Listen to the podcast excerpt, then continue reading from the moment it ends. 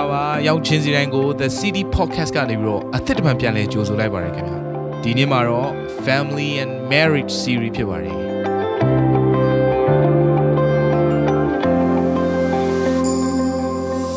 ဒီနေ့ချစ်ကျွမ်းဝင်ခြင်းအဆင့်၅ဆင့်ကိုပြောမှာပေါ့နော်ဆိုတော့အတန်ကလည်းနည်းနည်းနှာတန်ပေါက်နေတယ်ဆိုတော့ကွက်တီပါပဲ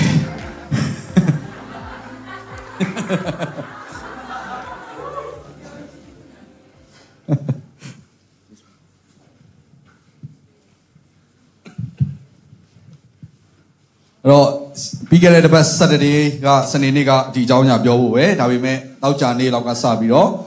အာအိမ်မှာစပြီးတော့เนาะတိုက်ပွဲဖြစ်တာပေါ့ဆိုတော့ဆရာရဲ့ကလေးသုံးအောင်လုံးတယောက်တစ်မျိုးစီသူကမတူညီတဲ့အရာတွေเนาะဖြစ်ကြတာပေါ့เนาะတယောက်ကနမိုနီးယားဖြစ်တယ်နောက်တယောက်ကရေယုံဖြစ်တယ်နောက်တယောက်ကတုပ်ကွေးဖြစ်တယ်အဲပြီးတော့အဲ့သုံးယောက်ဖြစ်ပြီးတော့တခန်းထဲမှာအတူအိတ်ကြတယ်ဆိုတော့တယောက်တစ်ယောက်ပြန်ကူးကြတယ်သူတို့ကဆိုတော့အဲ့ဒါလည်းအခုချိန်ထိเนาะအမြင့်မပြတ်သေးဘူးပေါ့เนาะဆိုတော့ သုံးယောက်ကတော့လန်းလန်းဆန်းဆန်းတော့ရှိပါတယ်ဒါပေမဲ့အာနောက်ဆုံးကြံခဲ့တာကျွန်တော်ပဲဖြစ်တယ်သူတို့ကတော့အဆင်ပြေသွားပြီဆိုတော့ပြီးခဲ့တဲ့နှစ်ရက်လောက်ကစပြီးတော့နော်အာနည်းနည်းနှာစီးတာတို့ခြောင်ဆိုးတာတို့ပေါ့နော်အဲ့လိုမျိုးတွေဖြစ်တယ်ဆိုတော့ဒီနေ့လဲအေးကအေးရကနေစူးစမ်းပြီးတော့ဒီနှုတ်ကပတ်တော်ဝင်ခဖို့လာတယ်နှုတ်ကပတ်တော်လို့ဒီနေ့ပြောနှုတ်ကပတ်တော်တော့အခြေပြုတာပေါ့နော်ဒါပေမဲ့ဒီနေ့အာအတွေ့အကြုံလည်းပါပါတယ်ဘာကြောင့်လဲဆိုတော့ချစ်ကျွမ်းဝင်ခြင်းအဆင့်၅ဆင့်လို့ပြောတဲ့အခါမှာ နော်အထူးသဖြင့်ကျွန်တော်ရဲ့အသက်တာမှာကျွန်တော်နဲ့ဆ iam မဆူဆန်ပေါ့နော်နှစ်ယောက်ကြော်ဖြတ်ခဲ့ရတဲ့အရာတွေမှာအာကြုံတွေ့ခဲ့ရတဲ့အရာတွေရှိတယ်ကောင်းတဲ့အရာတွေရှိတယ်ကျွန်တော်တို့အာလှုပ်တဲ့လှုပ်ထိုက်တဲ့အရာအာနော်ရှောက်လန်းတဲ့နဲ့တော်လည်းပဲမရှောက်လန်းခဲ့တဲ့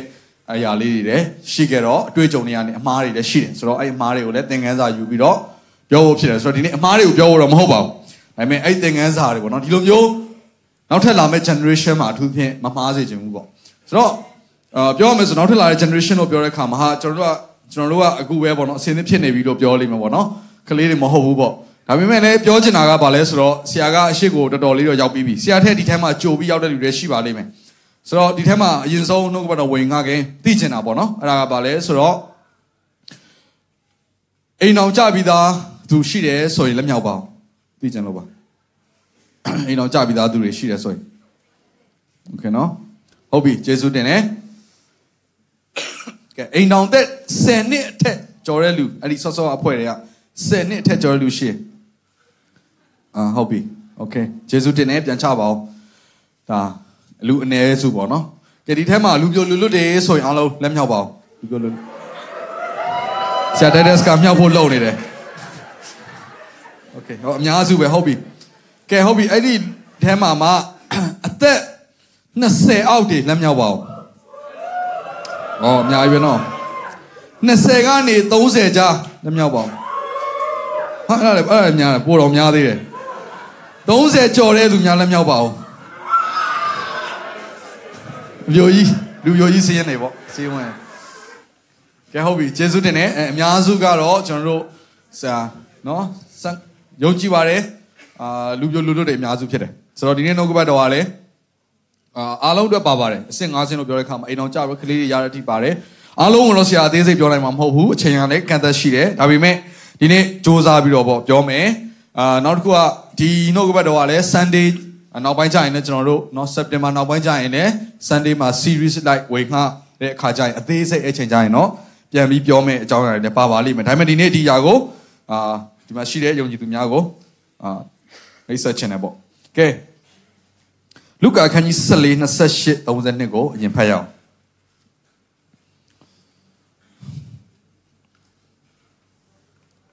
လုကာ14ငွေ28ကနေ30နှစ်တကယ်တော့ဒီကျမ်းစာသည်ယေရှုခရစ်တော်ရဲ့နောက်ကိုလိုက်ခြင်းနဲ့ပတ်သက်ပြီးတော့ဘလို့ပြင်ဆင်ရမလဲဘလို့ဆုံးဖြတ်ရမလဲဆိုတော့ပြောတယ်နှုတ်ကပတ်တော်ဖြစ်တော်လဲပဲကျွန်တော်တို့အသက်တာမှာတခြားအရာတွေကို အတွက်ဖွင့်ပြတဲ့နှုတ်ကပတ်တော်လေးဖြစ်တယ်။တနည်းအားဖြင့်ပြောရရင်အိမ်တော်ပြုခြင်းနဲ့ဆိုင်တဲ့အရာချစ်ကြွမ်းဝင်ခြင်းနဲ့ဆိုင်တဲ့အရာကိုပြောတဲ့နှုတ်ကပတ်တော်ဖြစ်သလိုအသင်းတော်ဘိုင်းဆိုင်ရာမှာလည်းအသင်းတော်တစ်ခုကိုတိဆောက်တဲ့အခါမှာလည်းပြောတဲ့နှုတ်ကပတ်တော်ဖြစ်တယ်။ဖတ်ရအောင်။ဒီနေ့တော့တင်တို့တွင်ဆရာတော်သူသည်တိုက်ကိုတည်မြည်ဟုအကြံရှိနေထိုတိုက်ပြီးအောင်ငွေလောက်မီမလောက်မီကိုတည်ခြင်းငါရှေးဥစွာထိုင်၍ကုံကြစရိတ်ကို မချင့်တွက်ပဲနေမည်လော သို့မဟုတ်တိုက်မြစ်ကိုတည်၍တိုက်ကိုမပြေးနိုင်လေသိမြင်သောသူအပေါင်းတို့ကဤသူသည်တီစပြုတ်၍အစမတတ်နိုင်ဟုကဲ့ရဲ့ကြလိမ့်မည်တနည်းကဇုံတယောက်ဩရှင်ဘရင်သည် အခြားသောရှင်ဘရင်နှင့်စစ်ပြိုင်မည်ဟုအကြံရှိလင်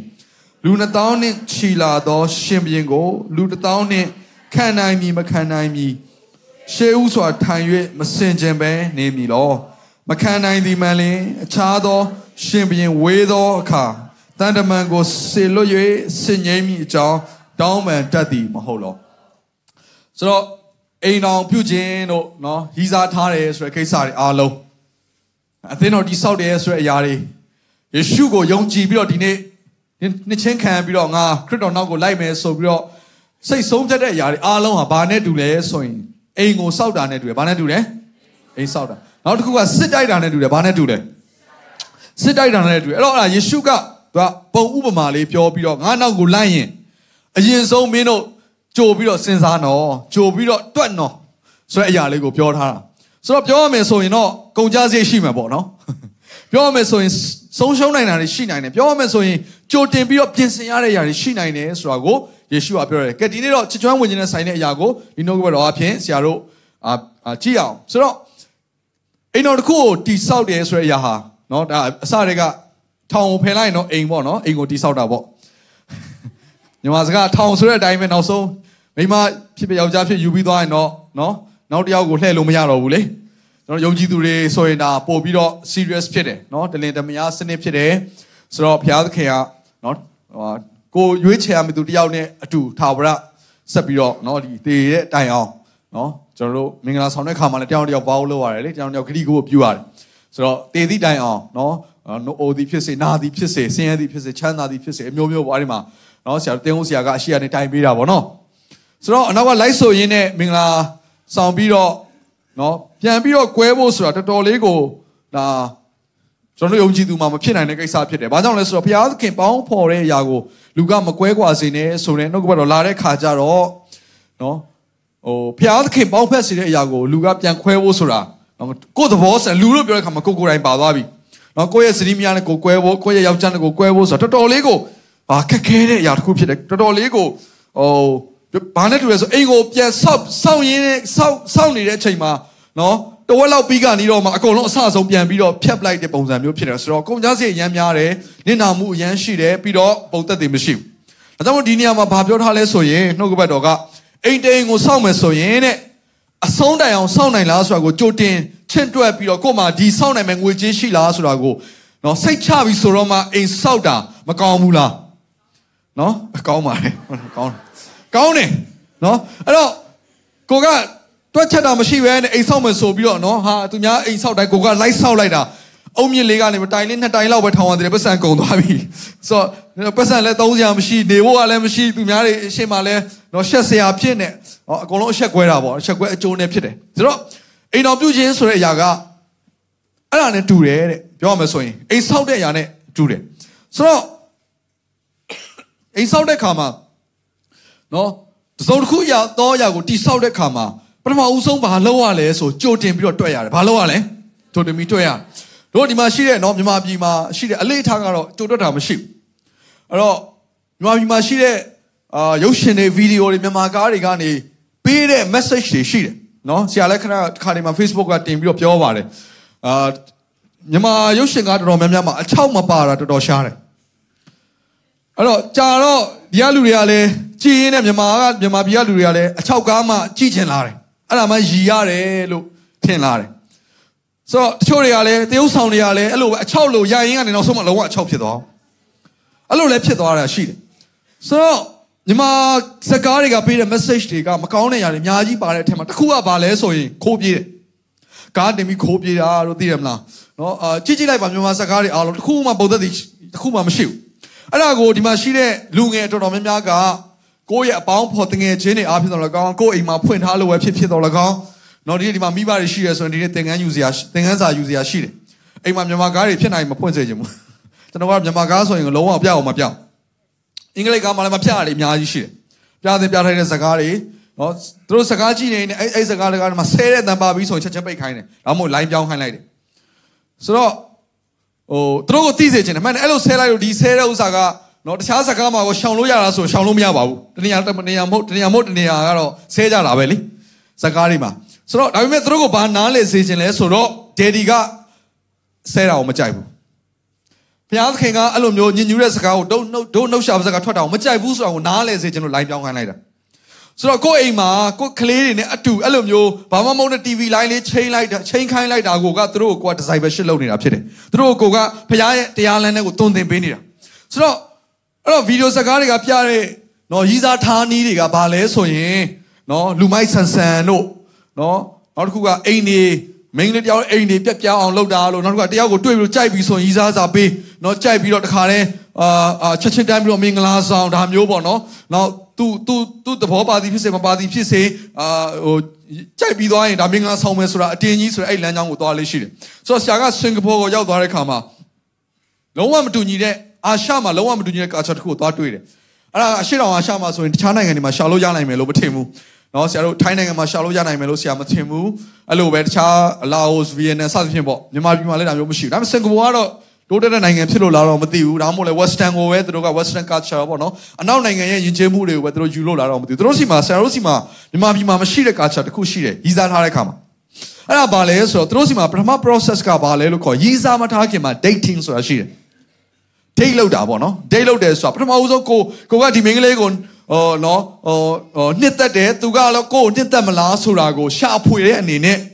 နှစ်ဦးသဘောတူညီပြီးတော့အတူအစားအသောက်တစ်ခုစားရင်းနဲ့စကားပြောကြတာဒါပထမဦးဆုံးအဲ့ဒါကလွတ်လပ်လပ်ဘယ်သူမှဆိုလုံးပိုင်ခွင့်ရှိတယ်ရည်စားမရှိဘူးဆိုရင်ပြောတာဟုတ်ပြီနော်ဒီတယောက်ဒီရည်စားမရှိဘူးဆိုရင်သူတို့မှာ GPR လို့ပြောရဲနော်အာ girlfriend boyfriend ပေါ့ GPR ဆို boy girl relationship ဆိုတဲ့သမီးစားဘဝကိုမသွားခင်မှာ ဘာ process တစ်ခုရှိတယ်ဆို dating process တစ်ခုရှိတယ်အဲ့တော့မြန်မာပြည်ကာချာမှာအဲ့ဒါမရှိဘူးမြန်မာပြည်မှာဘာလဲဆိုကြိုက်လားကြိုက်ရည်စားစာပေးဒါမှမဟုတ်သွားစကားပြောဒါမှမဟုတ်တခြားနီးလန်းတွေရှိမှာပေါ့နော်အောင်သွယ်တဲ့နီးလန်းတွေအာနီးမျိုးစုံရှိလိမ့်မယ်အခုခေတ်ကပို့ပြီးတော့နီးလန်းပေါင်းစုံပိုများလိမ့်မယ် Facebook လည်းနီးလန်းရှိတယ်လေတချို့ကလည်းကြိုက်တယ်ဒါပေမဲ့တွေ့ဝိုက်ပြီးတော့အဲဝင်သူများတင်ထားတဲ့ post မှာဝင်ပြီးတော့ comment ပေးတယ်ဒါလည်းရည်စားစာရည်စားစကားပြောနီးပေါင်းစုံပေါ့နော်ဆိုတော့အခုခေတ်မှာဒါ Facebook ကနေနီးမျိုးစုံရှိတယ် နော်ဒါရည်တဲ့လူတွေကဒါအဲ့ဒါလုပ်ဖူးတဲ့လူတွေဖြစ်နိုင်တယ်โอเคအဲ့တော့အဲ့တော့အခုပထမအဦးဆုံးနံပါတ်1 level ပေါ့နော်အဲ့ဒါလေးကိုဆရာအနေနဲ့ဒီမှာရှေ့ယုံကြည်သူတွေကို intro စပြီးတော့လုပ်ချင်တယ်ဘာလို့ဆိုတော့အဲ့ဒါအင်ပဒမှာလုံးတင်တယ်လို့ဆရာမြင်လို့ဖြစ်တယ်မြန်မာပြည်ကချာတော့မဟုတ်ဆိုတော့ဒီကလူတွေတချို့သောလူငယ်မြောင်များစွာအတွက်အစိမ့်သက်သက်ဖြစ်နေမယ်အဲ့ဒါဘာလဲဆိုရင် dating process ဖြစ်တယ်ဆိုတော့အဲ့ညမှာတယောက်နဲ့တယောက် ဒီတယောက်ဟာငါနဲ့လက်တွဲဖော်ဖြစ်မလားဆိုတာကိုရှာဖွေတဲ့ပြောမဆိုရင်ငါသူနဲ့ငါနဲ့ငါရည်စားထားတဲ့အဆင့်ကိုတွားလို့ရမလားဆိုတဲ့အရာကိုရှာဖွေတဲ့အဆင့်တစ်ခုဖြစ်တယ်အဲ့ဆင့်မှာတယောက်နဲ့တယောက်ကဘယ်လိုပုံစံနဲ့စပြီးတော့เนาะ dating ဖြစ်နိုင်လဲဆိုရင် attraction ပဲအဲ့တော့ဒီကောင်မလေးလှလို့သူကသူ့ရဲ့ရုပ်ရည်ကြောင့်မလို့ attract ဖြစ်တာဖြစ်နိုင်တယ်ဒါပေမဲ့ရုပ်လာတိုင်းလဲသူကကိုယ့်ရဲ့ဇနီးမယားဖြစ်ချင်မှလဲ ဖြစ်လာနိုင်မှာဟုတ်တယ်မလားဟာဒီယောက်ျားလေးကချောတယ်ခန့်တယ်တော့ဟာပညာလဲတတ်တယ်ဖះကိုလည်းချစ်တယ်ဆိုတိုင်းလဲကိုယ့်ရဲ့တသက်တာလုံးလက်တွဲရမယ်လက်တွဲဖို့ဟုတ်ချင်မှလဲဟုတ်ပါသူကသူဘလောက်ပဲကောင်းနေကောင်းနေကိုနဲ့နော်အတူတူသဘောတူညီပြီးတော့တလန်းတဲကိုခီးတစ်ခုတည်းကိုနှစ်ပေါင်းများစွာတည်တဲ့တိုင်အောင်ရှောက်နိုင်မလားဆိုတာကသူ့ရဲ့ရုပ်ရည်ကိုကြည့်ပြီးပြောလို့မရဘူးသူ့ရဲ့အည်ချင်းကိုကြည့်ပြီးပြောလို့မရဘူးเนาะဒီဖះเจ้าမှာစက္ကန့်နေတဲ့ຢာတွေကိုမြင်ယုံနဲ့လည်းသတ်မှတ်လို့မရဘူး အဲ့လိုပဲသူ့မှာဝင်ငွေကောင်းတဲ့ဆိုတဲ့အရာပညာတတ်တဲ့ဆိုအဲ့ဒါမိသားစုကလည်း background အဲ့ဒါဘာတစ်ခုမှလုံးလုံးမရဘူးပြီးတော့ငါတို့နဲ့ငါတို့နဲ့သဘောတူငါလည်းနော်ဟိုဟိုဖះเจ้าငါလည်းဖះအတွက်စိတ်အားကြီးတယ်သူလည်းဖះအတွက်စိတ်အားကြီးတယ်အဲ့တော့ငါတို့အဆင်ပြေမှာပဲပြောလို့မရဘူးဆိုတော့ပထမတစ်ခုကတော့အဲ့ဒီဆော့ဆော့ကပြောခဲ့တဲ့ကိစ္စတွေအားဖြင့်တယောက်နဲ့တယောက် attraction ရှိတာဖြစ်နိုင်တယ်နော်တယောက်ကိုတယောက်အဲဘယ်လိုပြောမလဲဟိုမျက်စိကြတာပေါ့ပြောရမယ်ဆိုရင်နော်မျက်စိကြအာဒီတယောက်ဟာအဲငါနဲ့များအဆင်ပြေနိုင်မလားဆိုတဲ့အတွေးလေးဖြစ်တယ် အဲ့တော့အခုဆရာတို့ဒီမှာရှိတဲ့ culture တစ်ခုကဘာလဲဆိုတော့အဲ့လိုမျိုးအဆင်ပြေနိုင်မလားဆိုတာကိုအရင်ဆုံးမတွေ့ဘူး။ဘာတွေ့လဲဆိုတော့ဒီတရားကိုငါကြိုက်တယ်။အဲ့ရစတာဇလန်ဆိုတော့မိန်းကလေးတွေကိုယောက်ျားလေးကိုသတိပေးခြင်းနဲ့စုံတယောက်ကိုဆိုကြိုက်တယ်ဆိုတဲ့အရာအင်္ဂလိပ်ဆိုရင် fall in love လို့ခေါ်တယ်။ तू ကလုံးဝချစ်သွားတာ။အဲ့စင်ကိုမသွားခင်မှာတစ်စင်ကိုတော့ကြော်ဖြတ်ပါလို့ request လုပ်ချင်တယ်။ဘာကြောင့်လဲဆိုရင် fall in love ဖြစ်သွားပြီးတော့မှတယောက်နဲ့တယောက်အဆင်မပြေတာတွေကိုရှာဖွေတွေးရှိသွားတယ်ဆိုရင် ကြီးကြီးမားမားတွေပေါ့ရှာဖွေတွေးရှိသွားတယ်ဆိုအင်မတန်မှခက်ခဲတဲ့ process ကိုဖြတ်သန်းရတယ်။ဆိုတော့ relationship မှာ तू ကဘာနဲ့တူလဲဆိုရင်တစ်သားပြားနှစ်ခုကိုနော်မြင်အောင်ကြည့်ပါအထက်သားပြားပဲဖြစ်ဖြစ်ပေါ့နော်တစ်သားပြားနှစ်ခုအင်မတန်မှအားကောင်းတဲ့ကော်နဲ့ကပ်ထားတာနော်ဒါလူနှစ်ယောက်ချစ်ချွမ်းဝင်သွားတာကိုပေါ်ပြတာဆိုတော့တယောက်နဲ့တယောက်ကပြန်ပြီးတော့꿰သွားတယ်ဆိုရင် ဘာနဲ့တူလဲဆိုအဲ့တစ်သားပြားနှစ်ပြောက်ခိုင်ခန့်စွာအသေးချာကော်နဲ့ကပ်ထားပြီးမှပြန်ဆွဲပြစ်လိုက်တဲ့ခါမှာတစ်သားနှစ်ခုလုံးမှာအနာရာတွေပေါ်သွားတယ်ဟုတ်ပြီအနာရာတွေပေါ်တာ original တိုင်းမဖြစ်တော့ဘူးသဘောပေါက်လားမသိဘူးဆိုတော့အဲ့တော့ကိုကချစ်ကျွမ်းဝင်တဲ့အဆင့်ကိုမသွားခင်မှာနော်ငါတို့ကတခါတည်းပေါင်းစည်းပြီးတော့သွားလို့ရမလားဆိုတာကိုရှာဖွေတဲ့အဆင့်ကြော်ဖြတ်ဖို့လိုတယ်လို့သတိပေးခြင်းတယ်။ဘာကြောင့်လဲဆိုရင် relationship တဲ့ကိုရောက်သွားပြီဆိုရင်ပြန်ပြီးတော့ break up ဆိုတဲ့ပြန်ပြီးတော့ပြန်ကွဲပြားတယ်ဆိုတဲ့အရာကိုဆရာကအားမပေးခြင်းဘူး။အဲ့ဒါကောင်းတဲ့အရာတစ်ခုလည်းမဟုတ်ဘူး။ပုံသက်တွေလည်းမကောင်းသလိုနောက်တစ်ခုကခံစားချက်လည်းမကောင်းဘူး။ပြီးတော့အပြစ်နာဆိုင်နဲ့ပြန်ပြီးတော့ကုတ်ရတဲ့ process ကလည်းကြားတယ်။နောက်တစ်ခုအဲ့ဒါတွေကဆုံးမပြောတစ်သားတစ်ခုကိုပြန်ဆွဲဖြစ်လိုက်တဲ့ခါမှာအဖုထစ်တွေနော်နော်ဒဏ်ရာတွေဖြစ်သွားတဲ့ကြောင့်မလို့ကိုယ့်ရဲ့ဘဝတစ်ခုလုံးကိုရှောင်လန်းတဲ့ခါမှာလေအဲ့ဒါတွေကအနောက်ရှက်အစီတာအဖုထစ်တွေဖြစ်လာနိုင်တယ် ဆိုတော့ပထမဦးဆုံးအဆင့်ပါအဆင့်လဲ dating အဲမှတ်မိသွားပြီ dating so မိန်းကလေးတွေပုံမှတ်မိဖို့လိုတယ်အဲ့တော့ dating အဲ့တော့တကယ်တော့အဆင့်9ဆင့်ရှိတာပါဆရာက9ဆင့်နဲ့ခြုံပလိုက်တာဟုတ်ပြီနော်9ဆင့်ဆိုတော့အာဟို9ဆင့်ကို9ဆင့်နဲ့ခြုံလိုက်တာကဲဆိုတော့ dating အဲ့တော့ဒါချားနေရမှာတော့ဆရာမသိဘူးဒါပေမဲ့ဒီအသင်းတော်မှာဆရာအနေနဲ့နော် authority ဟိုရှိတဲ့အတွက်ကြောင့်မလို့ဆရာအနေနဲ့ဒီຢာကိုအာဆရာတို့အနေနဲ့အသုံးပြုခြင်းနဲ့ဆိုတာကိုကြေညာတာဖြစ်တယ် dating အဲ့တော့ကဲ dating ကဘာလဲဆိုရင်တော့တယောက်တစ်ယောက်ဆုံးမပြောသလိုမျိုးအဲ okay तू ဟာငါ့အတွက်အဆင်ပြေလားဆိုတာကိုအာစိတ်ထဲမှာ attraction ပေါ့တယောက်တစ်ယောက်ရှိသွားတယ်ဆိုရင် तू ကကိုယ့်စီကိုရှိစမှရှိမှာဒါပေမဲ့ကိုကိုယ့်ဘက်ကတစ်ဖက်သက်ရှိတယ်ဆိုရင်လည်းဒါက dating လုပ်လို့ရတယ်ဆိုတော့ယောက်ျားလေးမိန်းကလေးကဘာနှလုံးသားထဲမှာပဲဖြစ်အတွေးခေါ်ထဲမှာဘာ open လုပ်ထားရမလဲဆိုရင်စုံတယောက်တော့သူကငါ့ကိုလာပြီးတော့စကားပြောရင်အာငါ့ကိုကြိုက်တာမဟုတ်ဘူးဆိုတော့ခေါင်းထဲမှာအမြဲမှတ်ထားရမယ်နော်အဲ့တော့ ဒီယောက်ျားလေးကငါ့ကိုအမြဲတမ်း Sunday တိုင်းမှာငါ့ကိုအမြဲတမ်းထိုင်ကြည့်နေတယ်ဆိုအဲ့ဒါငါ့ကိုကြိုက်တာမဟုတ်ဘူးလို့ခေါင်းထဲမှာဆွဲမြင့်ထားရမယ်ဆွဲမှတ်ထားရမယ်ဟုတ်ပြီနော်အဲ့ချိန်မှာယင်းနေမှာတုံတဲ့အကြောင်းတစ်စက်မှမရှိဘူးအဲ့ချိန်မှာယင်းတုံသွားရင်ပွဲသိမ်းသွားရင်အဲ့ dating ကြော dating အဆင့်ကိုမရောက်တော့ဘူးတခါလဲ foreign လက်ဖြစ်သွားတယ်လို့ပြောလို့ရတယ်အဲ့တော့ဆရာတို့ဘယ်အဆင့်ကိုကြော်ဖြတ်ဖို့လိုလဲဆိုရင် dating ကိုကြော်ဖြတ်ဖို့လိုတယ်ဟုတ်ပြီနော်ဟုတ်လား ကဲဒီမှာရှိတဲ့လူပြိုတွေအပြိုတွေအင်မတန်မှตาယာပြီးတော့ကောင်းမွန်ပြီးတော့ပြောင်းတယောက်ချစ်ကျွမ်းဝင်ပြီးတော့ဖျားရှင်ကောင်းကြီးပေးတဲ့အိမ်တော်မိသားစုတိဆောက်ခြင်းလားအဲ့ဆရာရဲ့မိကုန်းဖြစ်တယ်တိဆောက်ခြင်းလားโอเคတိဆောက်ခြင်းတိဆောက်ခြင်းဒီအဆင့်တွေကိုသတိထားပါပထမအဆင့် dating အဆင့်ကိုကြော်ဖြတ်ဖို့ကြိုးစားပါအဲ့တော့ယောက်ျားလေးတွေ dating မှာနော် dating မှာ action ပထမဦးဆုံးစရတာဘာတူလဲဆိုယောက်ျားလေးဖြစ်တယ်အဲ့တော့မိန်းကလေးတွေကသွားပြီးတော့ဟေးငါနေ့ကို dating လုပ်ချင်သွားမလုပ်နဲ့အဲ့ဒါကိုရီးယားကားထဲမှာပဲရှိတယ်ထားခဲ့လိုက်တော့နော်အဲ့တော့ကိုရီးယားကားကမြန်မာ မြန်မာပြည်မှာရှိတဲ့ရုပ်သံလိုင်းတွေကလွှင့်တဲ့ကိုရီးယားကာချာကိုအသင်းတော်တွေကိုယူမလာနဲ့နိုင်ငံတော်နဲ့ဆိုင်တဲ့ကာချာကိုပဲဆရာတို့ဒီမှာတိဆောက်မယ်အာမင်အဲ့တော့ဆရာတို့အမှားယွင်းဖြစ်စေမဲ့အရာတွေအနှောက်အယှက်အစီအတာဖြစ်စေမဲ့အရာတွေအမှန်တမ်းတာယာလှပပြီးတော့ခိုင်ခန့်တဲ့မိသားစုတခုတိဆောက်ဖို့အခက်အခဲဖြစ်စေတဲ့အရာအားလုံးကိုဆရာတို့ဖယ်ပြီးတော့အမှန်တမ်းခိုင်ခန့်တဲ့မိသားစုတိဆောက်မယ်ကောင်းမွန်တဲ့အရာတွေကိုဆရာတို့အသင်းတော်မှာပြုစုမယ်ဟုတ်ပြီနော်ကဲ dating မှာပထမဆုံး action ယူရတာယောက်ျားလေးတွေဖြစ်တယ်အဲ့ တော့ယောက်ျားလေးတွေကစုံတယောက်သောမိန်းကလေးကိုသဘောကျတယ်ဆိုရင်ဟုတ်ပြီနော်သဘောကျတယ်ဆိုရင်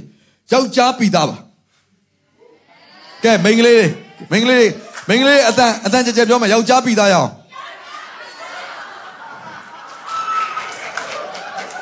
ကဲမိန်းကလေးကြကြပြောပါယောက်ျားပြီးသားပါပြောပါဒါပဲကဲယောက်ျားလေးအတန်ကြကြပြောမယ်ငါတို့ယောက်ျားအေးဒါပဲဟုတ်ပြီ အဲ့ဒါပဲ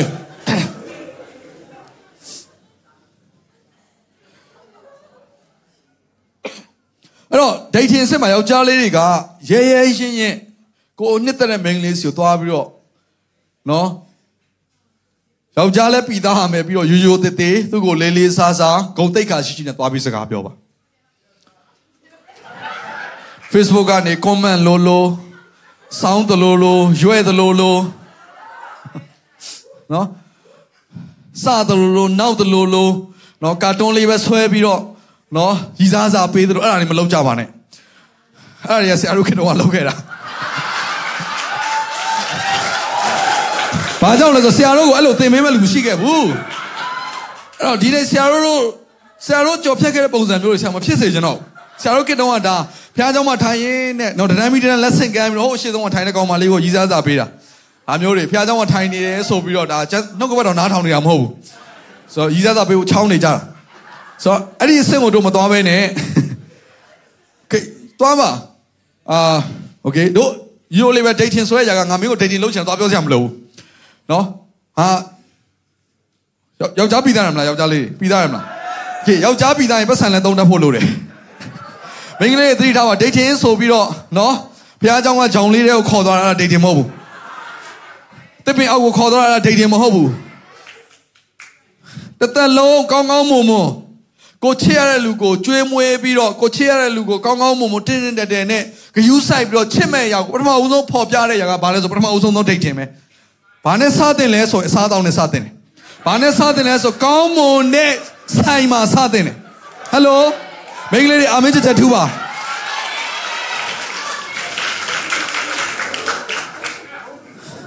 ပြောတော့ချစ်တယ်ဒူဝင်ကျယ်ကြီးပဲယူပေးမယ်တို့အာဆရာတို့ခေတ္တကအခုမရှိတော့ပါဘူးကောင်းကင်ကျယ်တွေပဲဆွတ်တော့မလို့သမုတ်တပါသမုတ်တရားကြီးကိုပဲဖြတ်ကူးပြတော့မလို့လို့ပြောပြီးတော့ခြေအိုးဆိုင်လောက်တော့ခေါ်ပြီးမကြွေးနိုင်ဘူးဆိုရင်ဒါပြောအလကားပဲယောက်ျားလေးတတိရှိပါလုံလောက်တဲ့ပတ်စံကိုယူသွားပါဒိတ်တင်ပြီးတော့ပတ်စံမလောက်ဘူးနင်းရှင်းဆိုရပွဲသိမ့်ပြီ မိန်းကလေးတွေအဲ့ဆိုထက်စဉ်းစားကြအောင်မလို့တော့လုံလုံလောက်လောက်ပတ်စံကိုပြင်ဆင်ပါပြီးရင်သွားပြောပြောပါမင်းကိုမုံလိုက်ကြွေးခြင်းတယ်တနက်လောက်အမောနေကင်းတစ်ခုလောက်အချိန်ပေးနိုင်မလားမင်းကလေးတွေအဲ့လိုမျိုးပြောလာပြီဆိုရင်အဲ့ဒါတိထားလိုက်ပါဒိတ်ထင်လုပ်နေတယ်ဆိုတာတိထားလိုက်ပါ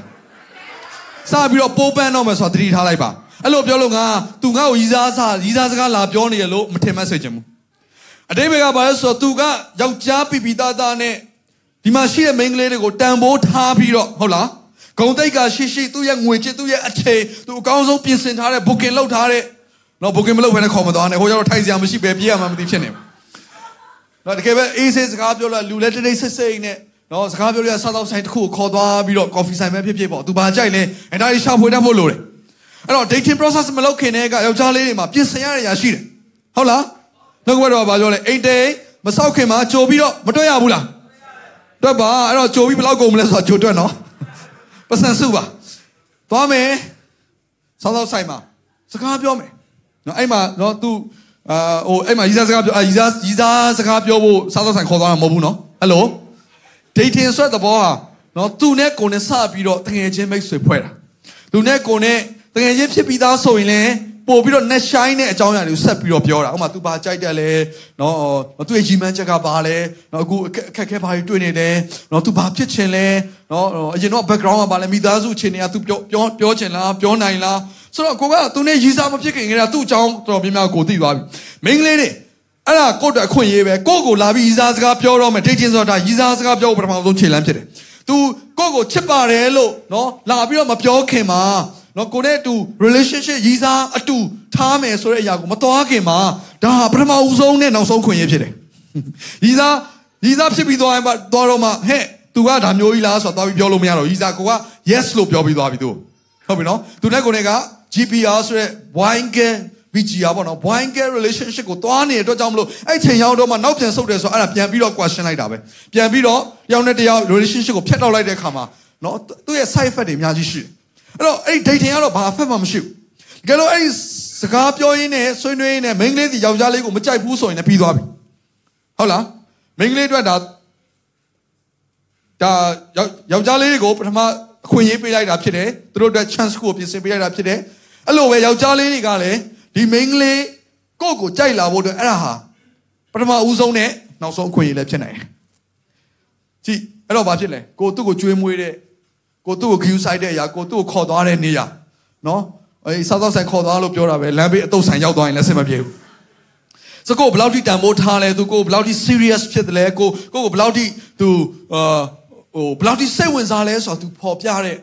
နော်အဲ့ဒီအဆင့်ကိုကိုကမိန်းကလေးတွေကမြင်တဲ့အခါမှာကို့မှာစဉ်းစားကြရအများကြီးရှိသွားပြီအဲ့ဒီအချိန်မှာသူမိန်းခိုးတွေအများကြီးသူ့ကိုထုတ်လို့ရတယ်ဟုတ်တယ်မလားသူဘယ်မှာ သူဘယ်မှာကြောင်းတက်ခဲ့တာလဲသူရဲ့စိတ်သဘောကဘာတွေလဲနော်သူဘာကိုနှစ်သက်တတ်တာသူမှမိသားစုနဲ့ပတ်သက်တဲ့ဝန်တော့ဝန်ဖို့ဘာလဲရှိတယ်ခါဒီမှာကိုကမသိဘူးနော်ရီစားထားရတာပဲသူကဒီတယောက်ကတော့သူ့ရဲ့မိသားစုရဲ့ရှိသမျှဝန်ထုတ်အကုန်ထမ်းနေရတာကိုကအဲ့လိုမျိုးမနှစ်သက်ဘူးဒါပေမဲ့ကိုကမသိဘူးသူနဲ့ကြိုက်ပြီးတော့မှအော်နော်သူမိသားစုတစ်ခုလုံးအကျွေးလည်းဖြစ်နိုင်တယ်နော်စီးပွားရေးလည်းဖြစ်နိုင်တယ်သူရဲ့လုပ်ငန်းတွေလည်းဖြစ်နိုင်သူ့မိသားစုနဲ့ဆိုင်တဲ့နော်ဆိုပါတော့သူ့ရဲ့ညီကိုပေါင်းမှာ10ယောက်လောက်ရှိတယ်ကိုမသိခဲ့ဘူး10ယောက်လောက်ရဲ့ကြောင်းနေတဲ့အရာစားဖို့တောက်ဖို့ရောက်သူကဝန်ကိုထမ်းနေရတဲ့တယောက်ကိုကသူနဲ့ပေါင်းဖက်လိုက်ဆိုသူထမ်းတဲ့ဝင်ကိုကဝင်ထမ်းရတော့ပါ ဟုတ်လားဒီခါဒီမှာအဲ့တော့တာယာပျော်ရှင်နဲ့ကိုကလမ်းတစ်ခုကိုမသွားကိုကသွားဖို့ပြင်ဆင်နေတဲ့အချိန်မှာကိုမထင်မှတ်ထားတဲ့ unexpected ပေါ့မမျော်လင့်ထားတဲ့ဝန်တော့ဝန်ပိုးတွေကမိသားစုကြီးတဲ့ကိုယ့်ရဲ့မိသားစုတွေကိုကိုချစ်တဲ့လူကတစ်ဆင့်ဝင်ရောက်လာတဲ့ခါမှာအဲ့ဒါဒီကိုကသွားရမယ်ပျော်ရွှင်တဲ့မိသားစုအိမ်တော်ကိုအနှောက်အယှက်အများကြီးဖြစ်နိုင်တယ်အဲ့လိုပြောလို့ဝန်မထမ်းရဘူးလို့ပြောတာမဟုတ်ဘူးဒါပေမဲ့ကြိုတင်ပြီးတော့သိထိုင်ကြိုပြီးပြင်ဆင်လို့ရတယ် ဟုတ်လားအဲ့တော့ကြည့်ကိုကအများကြီးမေးခွန်းတွေထုတ်လို့ရတယ်အဲ့တော့ dating process ကိုဆရာကသွားစေချင်တယ်အသင်းတော်မှာရှိတဲ့လူငယ်များအားလုံးယောက်ျားလေးတတိရှိပါယုံပါတယ်မယုံတာကဟာပတ်စံရှိလားမရှိလားဆိုတာပဲ Okay ဟုတ်ပြီနော် dating process အဲ့ဒါကသူက attraction နဲ့နော်တရားနဲ့တရား attraction လို့သွားတာဖြစ်တယ်ဒါအဲ့စင်ကိုကြော်ဖြတ်ပါအဲ့ဒါပြီးတော့မှ နော်ကိုကလည်း main လေးကလည်းကိုကိုနှစ်သက်တဲ့အမူအရာပြတယ်နော်အားလုံးအဆင်ပြေတယ်ဒါမှမဟုတ်ရင်လည်းနော်ယောက်ျားလေးကလည်းကို main လေးဘက်ကနေကြည့်တဲ့ခါမှာဒီယောက်ျားလေးကဒါငါအတွက်နော်တကယ်ကိုဟိုအတူသွားလို့ရမယ်သူတယောက်ဖြစ်တယ်ချို့ကလည်းအားကိုးခြင်းဆိုအားကိုးလို့ရမလားပြောနော်အာချို့ကလည်းမိခြင်းတာရှိတယ်လေချို့ကလည်းအချီခံခြင်းတာရှိတယ်သိလားအဲ့ဒါအချီခံခြင်းတာချို့ယောက်ျားလေးတွေအချီခံခြင်းတယ်သူကမိတာအောင်မကြိုက်ဘူးမိနေဆိုတာကမိန်းကလေးတွေက အာဒီယောက်ျားလေးကိုငါလက်ထက်လိုက်ရင်ငါသူ့ကိုမိခိုးအားကိုးခြင်းတယ်ပေါ့အဲ့ဒါကိုမိရလို့ခေါ်တယ်အမချို့ယောက်ျားလေးတွေကသူကမိခိုးတာကို तू ကမကြိုက်ဘူး तू ကအချီခံခြင်းတာ तू ကပြန်မိခိုးခြင်းတာမိန်းကလေးတွေကိုရှိတဲ့ဟုတ်တယ်မလားအိမ်အောင်ပြုတ်ပြီးတော့မှမိန်းကလေးကကြီးပဲအိမ်အောင်တောင်အကုန်လုံးကိုထမ်းပြီးတော့ယောက်ျားကအိမ်မှာထိုင်စားနေတဲ့မိသားစုတွေရှိတာပဲမဟုတ်ဘူးလားအဲ့ဒါဘာလုပ်နေတာတော့အချီခံတာပဲမဟုတ်ဘူးလားမိန်းကလေးကချီနေတာပြန်ပြီးတော့ယောက်ျားလေးကိုအမျိုးမျိုးရှိတယ်ဒါကြောင့်မလို့ အဲ့ဒါကတခါကျတော့အသက်အရွယ်ကိုသူရွေးချယ်တဲ့အသက်အရွယ်ပေါ်လဲမူတည်ပြီးတော့ကွဲပြားသွားပြန်တယ်ဒါကြောင့်မလို့ချို့တွေကချို့မိန်းကလေးတွေကကိုယ့်ထက်အသက်ကြီးတဲ့ယောက်ျားလေးကိုပဲရည်စားထားခြင်းတယ်ဒါပေမဲ့ချို့မိန်းကလေးတွေကကျတော့သူ့ထက်ငယ်တဲ့လူကိုပို့ပြီးတော့နှစ်သက်တယ်သူကချီကျင်လို့ထင်တယ်ကြည်ရတာ I don't know တယောက်တစ်ယောက်ကတော့မတူဘူးမတူဘူးအဲ့တော့ကျွန်တော်လည်းဆရာမလည်းဆိုရှင်းလေးပဲကျွန်တော်ဒီကျွန်တော်ထက်ငယ်တော့သူ့ကိုပဲကျွန်တော်နှစ်သက်တယ်သူကတော့သူ့ထက်ပို့ပြီးတော့ရင့်ကျက်တယ်သူ့ထက်ပို့ပြီးတော့အတွေ့အကြုံရှိသူ့ထက်ပို့ပြီးတော့နော်ပို့ပြီးတော့ အဲအာကိုလို့ရမယ်မိခိုလို့ရမယ်လူကိုပို့ပြီးတော့သူကနှစ်သက်တယ်အဲ့တော့ကျွန်တော်တို့ဂျားထဲမှာအသက်ကောင်ဟာမှုအနေငယ်ရှိတယ်အနေငယ်ပဲအနေငယ်ရှိအနေငယ်ရှိတယ်အဲ့တော့တယောက်နဲ့တယောက်အဆင်ပြေတယ်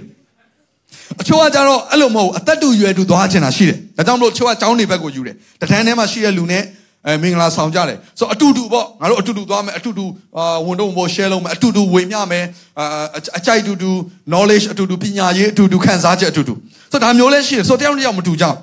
ဆိုတော့အဲ့ဒါဒီအားလုံးကဘယ်မှာကိုကရှာဖွေလို့ရဆိုရင်အဲ့ dating process မှာရှာဖွေလို့ရတယ် dating မတိုင်ခင်မှာရှိနေဦးမဟုတ်တယ်မလားကိုကသဘောပေါက်နေဒီတယောက်ကငါ့ကိုအမြဲတမ်းခဏခဏကြည့်နေဆိုတော့ငါ့ကိုမကြခင်နော်လာပြီးတော့အင်းဒီစားစကားလာပြောတော့မယ်ဆိုတော့ကိုကခံမလို့ရနေပြီမိန်းကလေးတွေကောင်းကောင်းသိပါလားအဲ့ဒါဟုတ်လားယောက်ျားလေးကတော့လုံးဝမသိဘူးမိန်းကလေးကတခါလေရေလာမြောင်းပေးလုံနေရတော့ယောက်ျားမသိတဲ့ယောက်ျားလေးတွေအများကြီးရှိတယ်ဆိုယောက်ျားလေးကအဲ့ဘက်မှာတော်တော်ညံဖြစ်တဲ့သဘောရှိတယ်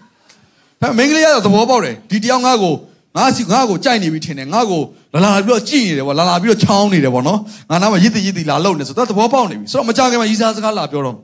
ဆိုတော့ဒါကြောင့်မို့ဆရာကပြောတာမိန်းကလေးတွေကတခါလေးရီစားစကားတန်းပြောတဲ့အခါမှာအဲ့ဒါကြီးကိုသွားပြီးတော့ serious သွားမလုပ်နဲ့တကယ်လို့များအကြောင်းမျိုးမျိုးကြောင့်ဒီနေ့နှုတ်ကပတ်တော်ကိုမကြားလို့ဝယ်ဖြစ်ဖြစ်ပေါ့နော်ဒါမှမဟုတ်မြန်မာပြည်ကာချာနဲ့အသားကျပြီးတော့ရီစားစကားတန်းလာပြောတဲ့အခါမှာတတိထားပါအဲ့ဒါဘာလဲဆိုတော့ချက်ချင်းကြီး ရင်နေခုန်ပြီးတော့ yes ဆိုပြောလိုက်ဖို့မဟုတ်ဘူးနော်ပြောလိုက်ရင်တော့တင်းထိုင်းတဲ့သင်္ကန်းပေါ့အဲ့လိုပြောအောင်လို့ဖြစ်နေပြီနှုတ်ကပတ်တော်နဲ့မပြောတော့ဘူးနော်ကိုကိစ္စကိုရှင်းအဲ့လိုဖြစ်အောင်ပြောရမယ်ပုံပေါက်သွားပြီအဲ့တော့အတူသွားဖို့အရေးကြီးတယ်အဲ့ဒီအတူသွားနိုင်မှုအတွက်ပထမဦးဆုံးအဲ့ရှာဖွေတဲ့အဆင့်အဲ့ဒီအဆင့်ကိုကြော်ဖြတ်ပါလို့ဆရာအနေနဲ့ဒါပြောခြင်းတယ်ဆိုတော့ dating မှာတော့ပြောစရာအများကြီးရှိပြီမဲ့နောက်ထပ်သွားဖို့ရှိတယ်ဆိုတော့နောက်ထပ်အဆင့်နှစ်ကိုသွားလိုက်အောင်အဆင့်နှစ်ကတော့အဲ့ဒီ dating process မှာအဆင်ပြေသွားတဲ့အကြောင်းမလို့ယောက်ျားလေးကစပြီးတော့ နော်ပြောတဲ့အရာကချစ်တယ်လို့စပြီးပြောတဲ့မိန်းကလေးတွေနော်စပြီးရီးစားစကားပြောဖို့မစင်စားပါနဲ့အဲ့ဒါကိုရီးယားတွေလောက်တာယုံကြည်သူတွေမလောက်ဘူးဘာကြောင့်လဲဆိုရင်နှုတ်ကပတ်တော်ရအသင်းတော်ဟာအသင်းတော်လို့ပြောတယ်ကျွန်တော်ယုံကြည်သူအပြစ်သားတွေသူတို့သမီးဖြစ်တယ်ကျွန်တော်တို့ကိုချစ်နေတာဘာလို့လဲယေရှုခရစ်တော်ဖြစ်တယ်ဘယ်သူကစပြီးတော့ချစ်တယ်လို့ပြောတာလဲ ယေရှုကစပြီးချစ်တယ်လို့ပြောတာမဟုတ်ဘူးလားကျွန်တော်တို့ဘာမှမသိခင်ကပဲလင်းယေရှုခရစ်တော်ကကျွန်တော်တို့ကိုချစ်လွန်းလို့တပါဟုတ်တယ်ပါသူသူရဲ့အသက်ကိုစွန့်ပြီးတိုင်အောင်ကျွန်တော်တို့ကိုချစ်ပြီးတော့လုံခဲ့တဲ့နှစ်ပေါင်းတစ်ထောင်ကလေးကမင်းတို့ငါချစ်တယ်လို့ပြောသွားတာဘာနဲ့သက်သေထူသွားလဲအသက်နဲ့လဲပြီးသက်သေထူသွားတယ်အာမင်ဆိုအဲ့ဒီချစ်မြတ်တာကိုသိပြီးတော့အိုက်တင်ခံရတဲ့လူတွေအများကြီးရှိသေးတယ်အဲ့ချစ်မြတ်တာကိုသိပြီးတော့လက်ခံလိုက်တဲ့လူတွေလည်းအများကြီးရှိတယ်ဒီနေ့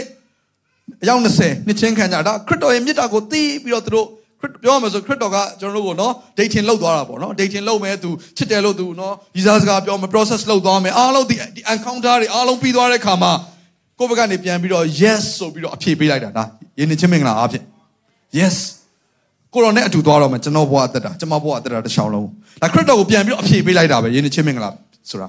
ခရစ်တော်ကိုမိမိရဲ့အသက်တာမှာခေါ်ပိတ်လက်ခံလိုက်တယ်ဆိုတာအဲ့ဒါနော်ခရစ်တော်နဲ့အတူချကျွမ်းဝင်ပြီးတော့ဘဝအသက်တာတော့ကိုအတူရှောက်ဖို့ခရစ်တော်ကိုကျွန်တော်တို့ကကိုယ့်ရဲ့ဘဝအသက်တာထဲမှာဖိတ်ခေါ်လိုက်တာပဲဖြစ်တယ်။ဒါကြောင့်မနောက်ဆုံးမှာကျမ်းစာဘာနဲ့ပဲဆုံးပြန်ပြီးဆုံးလဲဆိုရင်တိုးတငယ်မင်္ဂလာဆောင်ပွဲနဲ့ပဲပြန်ပြီးတော့ဆုံးတယ်။ဆိုတော့အတိတ်ကဘာလဲဆိုအဲ့ဒီကျွန်တော်တို့ကိုချစ်ကျွမ်းဝင်ပြီးတော့ချစ်တယ်လို့ပြောတဲ့ခရစ်တော်နဲ့ဒီနေ့အချစ်ခံရတဲ့ကျွန်တော်တို့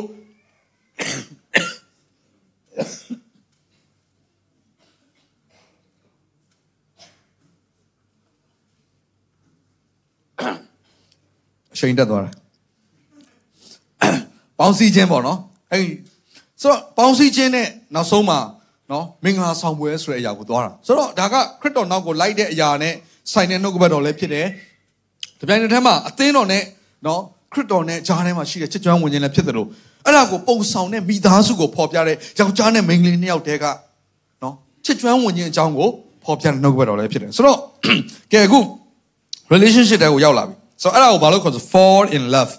ကဲတယောက်နဲ့တယောက်စပြီးတော့ချစ်ကြပြီဆိုတော့အဲ့နေရာမှာတယောက်နဲ့တယောက်စပြီးချစ်လာပြီဆိုရင်ထင်ထင်ရှားရှားဖြစ်လာတဲ့အရာ၃ခုရှိတယ်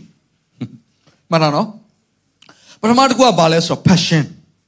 စိတ်အားကြီးတာဒါကြောင့်ခရစ်တော်အတွက်စိတ်အားကြီးတယ်ဆိုတော့အဲ့ဒါခရစ်တော်ကိုချစ်လို့ရိုးရိုးလေးပဲဟုတ်လား အသင်းတော်မဟာအာရပါနဲ့စိတ်အားကြီးပြီးတော့လှုပ်ဆောင်စားအသင်းတော်ကိုချစ်လို့ရိုးရိုးလေးပဲအခုဆရာတို့ဒီမှာရှိတဲ့အသင်းတော်မှာရှိတဲ့ခေါင်းဆောင်တွေကဒီအသင်းတော်ကိုဘယ်သူတွေကချစ်လဲဒီဒီအသင်းတော်ပေါ်မှာဘယ်သူတွေကမေတ္တာထားဒီအသင်းတော်ပေါ်မှာဘယ်သူတွေကနော်အာအာတကယ်နှစ်သက်လဲဆိုတဲ့အရာကိုချက်ချင်းတန်းပြောလို့ရတယ်။ဘာကြောင့်လဲဆိုရင်ဒီတယောက်ရဲ့စိတ်အားကြီးခြင်းကိုမြင်တဲ့အခါမှာဆိုတော့အဲ့လိုပဲယောက်ျားလေးမိန်းကလေးတယောက်တယောက်ချစ်လာပြီဆိုရင်စိတ်အားကြီးခြင်းဆိုတာရှိလာပြီ။နော်အရင်တော့ကစိတ်အားကြီးတဲ့ခါကျတော့နော်တခါလဲဘာဖြစ်လာလဲဆိုတော့သူက commitment မှာပါလိုက်ဘာဘာပါလာလဲ commitment ဆိုတော့စက္ကန့်အနံချင်းမှာပါလာပြီဆုံးဖြတ်ချက်တွေပါလာပြီဆိုတော့ဘာကိုပြောလဲဆိုရင်အရင်တော့က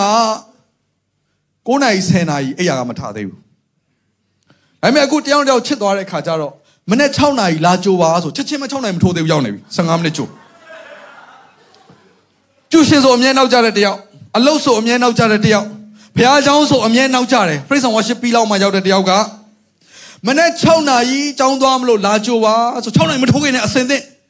ရိုးရိုးတော့မဟုတ်ဘူးအသေးချာအလှပြင်ထားပြီးသား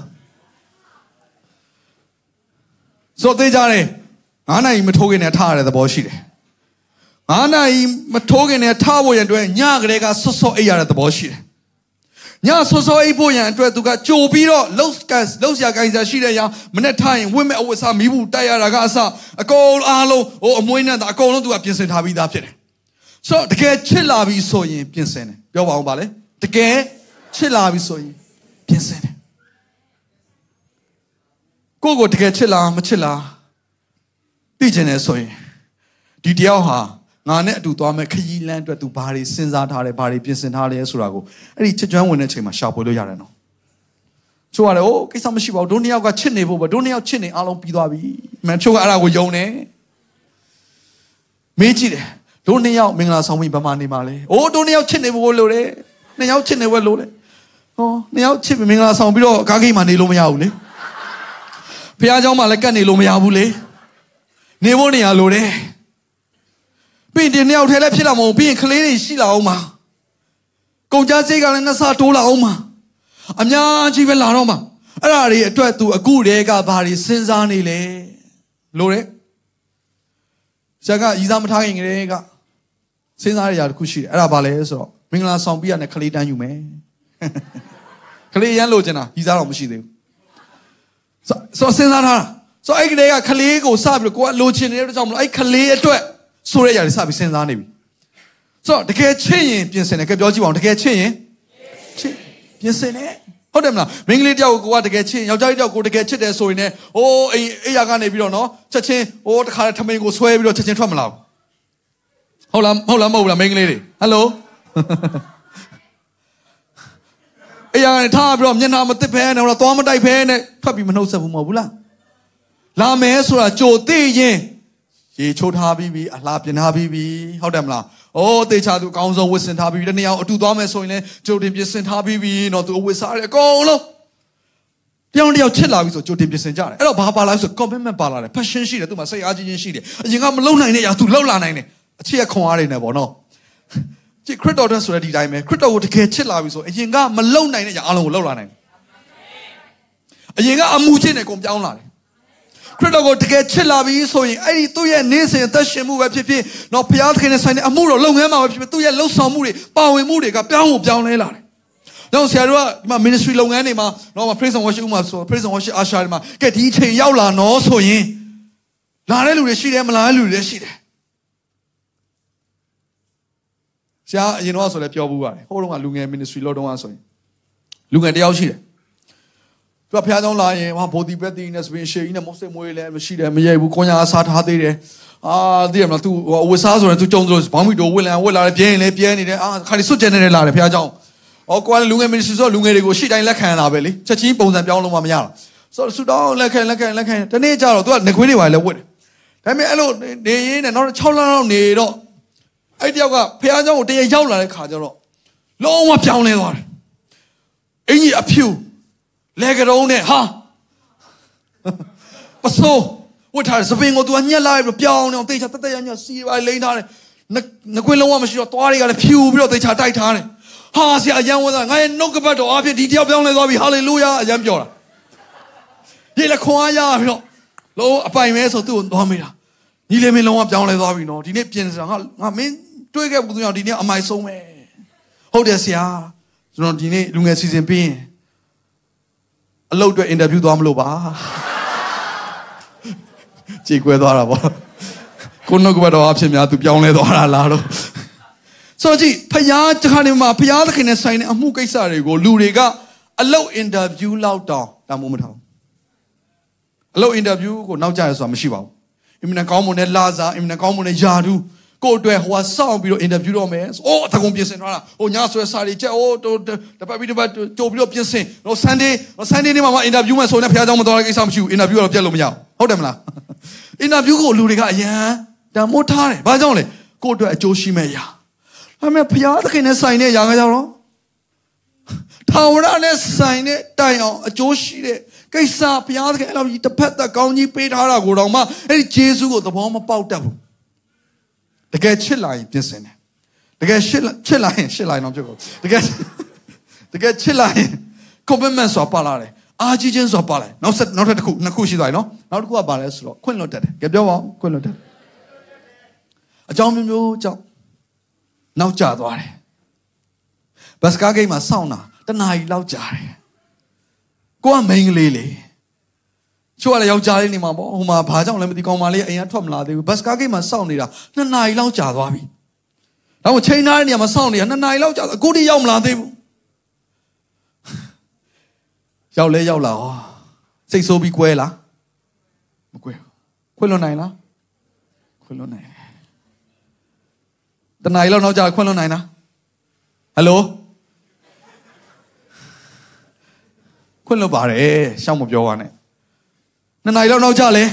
ခွင့်လွတ်နိုင်ဟိုမှာအကြောင်းပြချက်တွေရှိတယ်ဟိုအိမ်ကလေဟိုမှာနော်ဘာတွေဖြစ်နေလို့နော်ဟိုမှာလေဒီကိစ္စရှိနေလို့ဆိုတော့ကိုကမနဲ့ကိုကတော့ဖြစ်ချင်တာတော့အကောင်းဆုံးတော့ဖြစ်ချင်တာပေါ့ဟိုကလည်းစူးစမ်းမှာပဲဒါပေမဲ့အကြောင်းမျိုးမျိုးကြောင့်ချွတ်ချော်သွားတယ်ရှိရင်ခွင့်လွတ်တယ်လားခွင့်လွတ်တယ်လားစိတ်ရှည်လားရှည်တာဗောအမလီစိတ်ရှည်ဆုံးလူသားတွေကဘယ်အချိန်မှာပဲတွေ့ရလဲဆိုသမီးစားထားတဲ့အချိန်မှာပဲတွေ့ရတယ်မင်္ဂလာဆောင်ပြီးတော့စိတ်မရှိတော့ဘူးစိတ်ရှိတယ်ခ ရစ်တော်ကကျွန်တော်တို့အရန်ချစ်တော်စိတ်ရှိတယ်ဟုတ်လားမဟုတ်ဘူးလားကျွန်တော်တို့အပြစ်တွေကိုခွင့်လွတ်လားဘာဖြစ်လို့ခွင့်လွတ်တာလဲချစ်လို့ရိုးရိုးလေးပဲချစ်လို့အဲ့တော့အဲ့ဒီချစ်ချင်းမြတ်တာထဲမှာအဲ့တော့ကြည့်နော်ဒါသမီးအစားဘွားမှာ BGR ဆိုရယ် boy girl relationship ထဲမှာသွားတဲ့အချိန်မှာ तू ကကိုယ်တကယ်ချစ်လားမချစ်ဘူးလားဆိုတဲ့အရာတွေအားလုံးကအဲ့မှာအကုန်လုံးပေါ်လာတာပဲ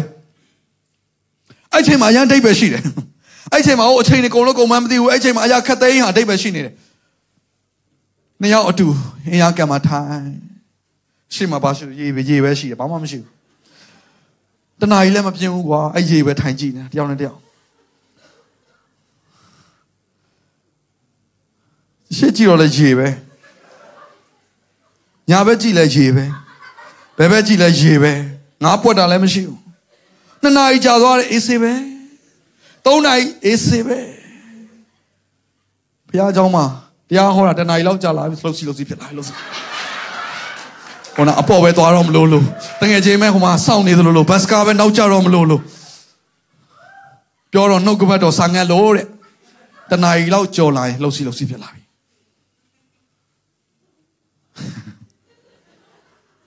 သုံးနာရီလောက်အေးဆေးပဲလေးနာရီအေးတနေ့ခုံထွက်လဲဘူးလားတရားလူတွေဤစားရှိတဲ့လူတွေချိန်ပြီးတော့ထွက်လဲတာမနေ့ကနေစားတာ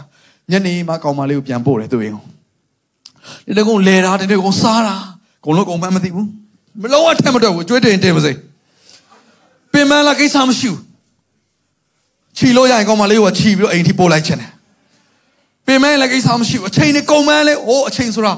ငွေနဲ့ပြန်ဝယ်လို့ရတယ်အဲဒါမျိုးသူတို့ဟာ အကုန်လုံးကိုအကုန်လုံးကုန်မှမသိဘူးနော်သူတို့ထင်မှာဘာတွေပေးဆက်လို့ပေးဆက်မှသူတို့သူတို့သူတို့မှာကုန်ခန်းသွားတဲ့အင်အားအင်အားကုန်သွားဆိုတာလည်းမရှိဘူးကြည့်နော်ဘုရားသခင်ကိုတကယ်ချစ်လာပြီဆိုရင်ဘုရားအတွက်လှုပ်ဆောင်ရတယ်ဆိုပင်ပန်းတယ်ဆိုတာလည်းမရှိတော့ဘူးခရစ်တော်ကကျွန်တော်တို့ကိုချစ်လွန်အားကြီးလို့လေပင်ပန်းတယ်ဘယ်တစ်ခါမှမငြင်းဘူးလဝါကားတိုင်းပေါ်မှာဒီလောက်ထိပင်ပန်းဆင်းရဲညှဉ်းပန်းနှိပ်စက်ခြင်းတွေကိုဝမ်းမြောက်စွာနဲ့ခံယူသွားတယ်ကျင့်ကျင့်နဲ့နဲ့ခံယူသွားတယ်ဘာကြောင့်လဲချစ်နေလို့ ကျွန်တော်တို့ကလည်းဖះကိုတကယ်ချစ်တယ်ဆိုရင်ကျွန်တော်ပြောမလူကိုချစ်တယ်ဒီတရားကိုချစ်လိုက်လူတရားကိုချစ်လိုက်တာနဲ့အဲ့တရားဖះကိုတကယ်ချစ်လားမချစ်လားပြောလို့ရတယ်သူ့ရဲ့အသက်ရှင်မှုနဲ့တကယ်ဖះကိုချစ်တဲ့လူဘာကိုမှသူကဂရုမစိုက်တော့ဖះသခင်အတွက်ဆိုရင်ပြီးစားဖို့အဆင်သင့်မယ်သူမအချိန်နေဆိုတာသူ့အတွက်ဟိုခရစ်တော်တဲ့အချိန်နေဆိုအများကြီးပဲသူ့မှာပေါ်နေတယ်ပင်မပင်မမစေငွေကုန်ရင်ကုန်မစေအိုးလူတွေကောက်ကဲရင်ကဲရမစေအ တွေ့အကြုံလေးပြောပြအောင်မယ်ကျွန်တော်နဲ့ဆမဆူဇန်နဲ့ကြားလိုက်တော့လက်ထပ်မဲ့ဆိုတော့တေးကြသွားတဲ့အချိန်ပေါ့နော်ကျွန်တော်တို့ကဟာတကယ် serious တော့လက်တောင်ကိုင်လို့မရအောင်တခါလေးလက်လေးသွားကင်လိုက်ပါတယ်တမ်းမိတာပဲစေးသွားဝဲတော့ရှင်းတော့နည်းနည်းလဲမောင်းနေတော့ကိုကလည်းစေးသွားဝဲတာပေါ့နော်ခွဲကြမှာ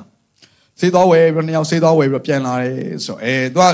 လမ်းဓမီတွေပါမီမီတိုင်းဆိုတော့ဓမီတော့မီတိုင်းတွေပါလဲထိုးထားထုံးထားတယ်ဆိုတော့လူမြင်ကွဲမှာဆိုတော့လေကိုကအာသူကလည်းပြောတယ်အမိုးနဲ့ဘာကနော်မယူခင်အဲ့လိုမျိုး touch ပေါ့နော် physical touch တွေတိတ်လို့တာမကြိုက်ဘူးဆိုတော့လက်တွေပါလည်းအဲ့လိုမျိုးလူရှိသူရှိကိုင်တာမကြိုက်ဘူးဆိုတော့မကိုင်ဘူးပေါ့နော်လူရှိသူရှိတော့ဘယ်ကိုင်မှာတော့ကိုင်ဘူးပေါ့ကိုလည်းနားထောင်တာပေါ့အဲ့အဲ့ရနေပြီးတော့ခွဲချန်တင်လန်းတဲ့ကိုလည်းဝင်လာတော့သူကအဲ့ဒီမှာအဲ့အဲ့မှာကျတော့ အာမီးတိုင်ကနည်းနည်းနေသွားပြီဆိုတော့နည်းနည်းလေးအဲလူတွေအကုန်လုံးမမြင်တော့နည်းနည်းမောင်သွားပြီဘယ်ရမလဲလူမမြင်တော့ပြောတာလူတွေရှေ့မှာသူကအဲ့လိုမျိုးလက်တွေပါကိုင်းတာမကြိုက်ဘူးလေသူကတင်းအောင်ဆရာရဲ့သမီးလည်းဖြစ်နေတယ်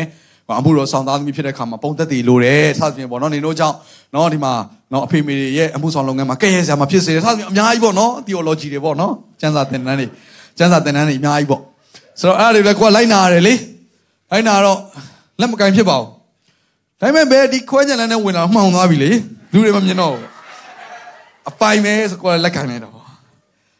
ကိုင်းပြီးတော့ဘာဖြစ်ဖြစ်ငါလက်လေးတော့နမ်းရင်ကောင်းမယ်ဆိုလက်လေးကိုကိုင်းပြီးတော့နမ်းလိုက်တာနော်ငပိငပိဆိုနန်းနာလားပဲဆိုနန်းဒါလည်းကယူမဆိုင်နိုင်ပါဘူးကရင်ဆိုတော့ဒါကရင်ဆိုတော့ငပိကြိုကြိုက်တယ်လေကိစ္စမရှိပါဘူး ဖြစ်ချင်တော့ဘယ်ကိုကပိုင်လာပြီလို့ထင်နေတာအဲ့ဒီအမှောင်ထဲမှာထိုင်ပြီးစောင့်နေတာကျွန်တော်ရောက်ခမှဖြစ်တယ်ကိုကအလင်းထဲကနေအမှောင်ထဲဝင်တာဆိုမမြင်ရဘူးလေသူတို့အမှောင်ထဲကစောင့်တာဆိုတော့သူအကုန်မြင်နေရတယ်လက်ကင်တာလည်းမြင်အဲ့လက်ကိုကင်ပြီးနမ်းလိုက်တာလည်းမြင်ရတော့အနာလည်းရောက်ရောက်ဟေးနင်တို့ဘာလုပ်တာလဲဆိုမလေးလမ်းလိုက်တာရှင်တွေကိုတုံးလို့အဲ့ဒါပထမဦးဆုံးလက်ကင်တဲ့အတွေ့အကြုံဖြစ်တယ် ညာအဲ့လိုကျွန်တော်တို့ခက်တုန်းက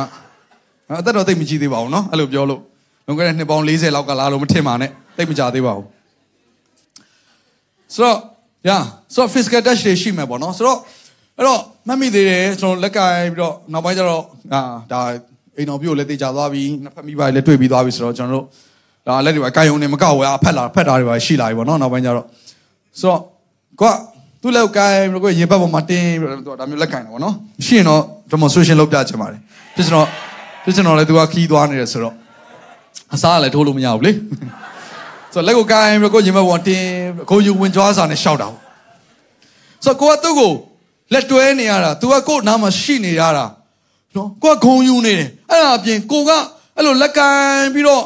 ဟို normal မဟုတ်တဲ့အမူအရာပေါ့ပြောရမယ်ဆိုရင်တွေ့ဘူးလားမသိဘက်စကားပေါ့ဘယ်သူမှဂယူမဆိုင်နိုင်ဟိုကောင်မလေးနားမှာဟိုယောက်ျားလေးနဲ့မိန်းကလေးနဲ့အိုးသူတို့နှစ်ယောက်တည်းဟိုကဘာကဘာကြီးတစ်ခုလုံးမှာသူတို့နှစ်ယောက်တည်းရှိလို့ထင်နေကြတာ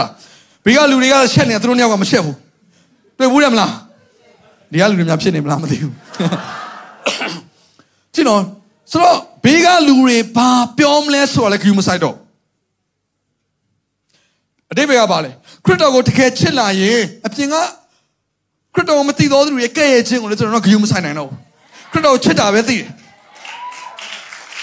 လူတွေကဘာပြောမလဲအဲ့ဒီနှစ်ယောက်ကယူနေတာဟုတ်တယ်မသူတို့အမြင်မှာယူနေတာပဲလေဒါပေမဲ့သူတို့နှစ်ယောက်ကချစ်နေတာတယောက်နှစ်ယောက်ကောင်းနေတာသူတို့ကအိုးအဲ့ညနာလေးကိုကြည်နေရတာကွာဝက်ချံကိုလည်းမမြင်တော့ဘူးသူကမျက်လုံးမေးတာလည်းသူဂရုမဆိုင်တော့ဘူးနှာခေါင်းပွားတာလည်းသူမသိတော့ဘူးသွားခေါ်တာလည်းသူဂရုမဆိုင်တော့ဘူးဒီတယောက်မှဒီတယောက်ပဲ ညာဒီတယောက်မှဒီတယောက်ပဲဘယ်သူမှဆောင်းမပြောပါဘူးကိုယ့်အကြောင်းပဲကိုယ်ပြောနေတာဆိုအဲ့ဒီအစ်စ်မှာဘာတွေရှာဖွေတွေ့ရှိလာလဲဆိုရင်အရင်တစ်ခါကကျွန်တော်နှုတ်ကပတ်တော်ဝင်ငါခဲ့တဲ့5 love languages ဆိုတဲ့ချစ်ချင်းရဲ့ဘာသာစကား၅မျိုးပေါ့ဒီတယောက်ဟာအထီးတွေ့ကိုကြိုက်တာလားဒီတယောက်ဟာ လက်ဆောင်ကိုကြိုက်တာလားဒီတယောက်ဟာအချိန်ပေးတာကိုကြိုက်တာလားချို့ချို့ချို့မိန်းကလေးတွေချို့ယောက်ျားလေးတွေကကြာသူ့ကိုအချိန်ပေးမှသူ့ကိုချစ်တယ်လို့ခံရတာဒါကြောင့်မို့တနေ့ကုန်တနေ့ခံသွားပြီးမျက်နှာတော့ဖူးမျောမျက်မှောက်တော်ထဲမှာအဲ့ဒါမျက်မှောက်တော်ဆိုတာနားမလဲအဲ့ဒါပဲမျက်မှောက်တော်ဆိုတာအဲ့ဒါချို့ကဆရာကိုမေးရမေးကိုဆရာမျက်မှောက်တော်ဆိုတာဘာလဲတဲ့ကျွန်တော်တို့နားမလဲဘူးမျက်မှောက်တော်ဆိုတာအဲ့ဒါပဲအဲ့ဒီမျက်နှာကိုကြည့်နေရင်ကိုကျင်နေသူရဲ့အရှိမရှိနေကိုကျင်နေဘာမှမဟုတ်ဘူးထိုင်ကြည့်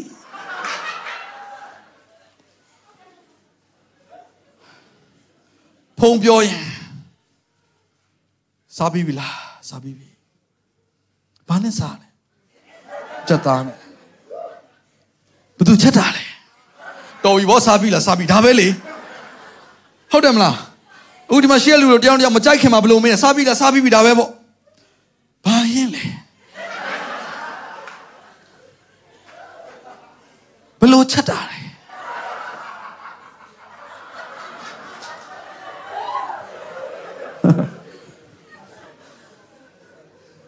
စားလို့ကောင်းရင်လားကြက်သားချက်နီးပြောပြရမလားမပြီးတော့ဝိုက်ဖုံးကတနာကြီးလည်းမပြီးဘူးနှစ်နာရီလည်းမပြီးဘူးနောက်ဆုံးမှမတက်တာလို့သာဖုံးချလိုက်ရတာဖြစ်နိုင်ဆက်စကားပြောချင်သေးတယ်ဖုံးခါလည်းမကုန်တော့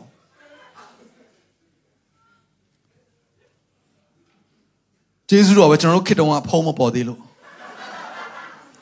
ဖုံးများပေါ်လို့ကတော့အမလီဆရာစောတီဟာ အကျွေး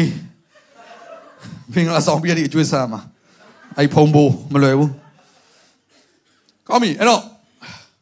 အဲ့ဒီဒီ relationship process မှာရှာဖွေရမယ့်အရာတွေရှိတယ်ဒီအဲ့ဒါလေးကိုပြောချင်เนาะအချိန်နဲ့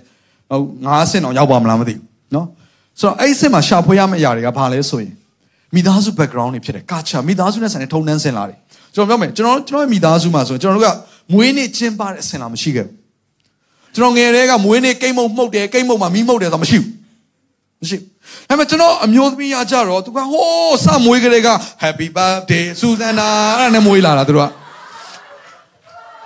ဆိုတော့သူက Happy birthday ဘာမှမသိခင်ကလေးကသူကကိတ်မုံကိတ်မုံ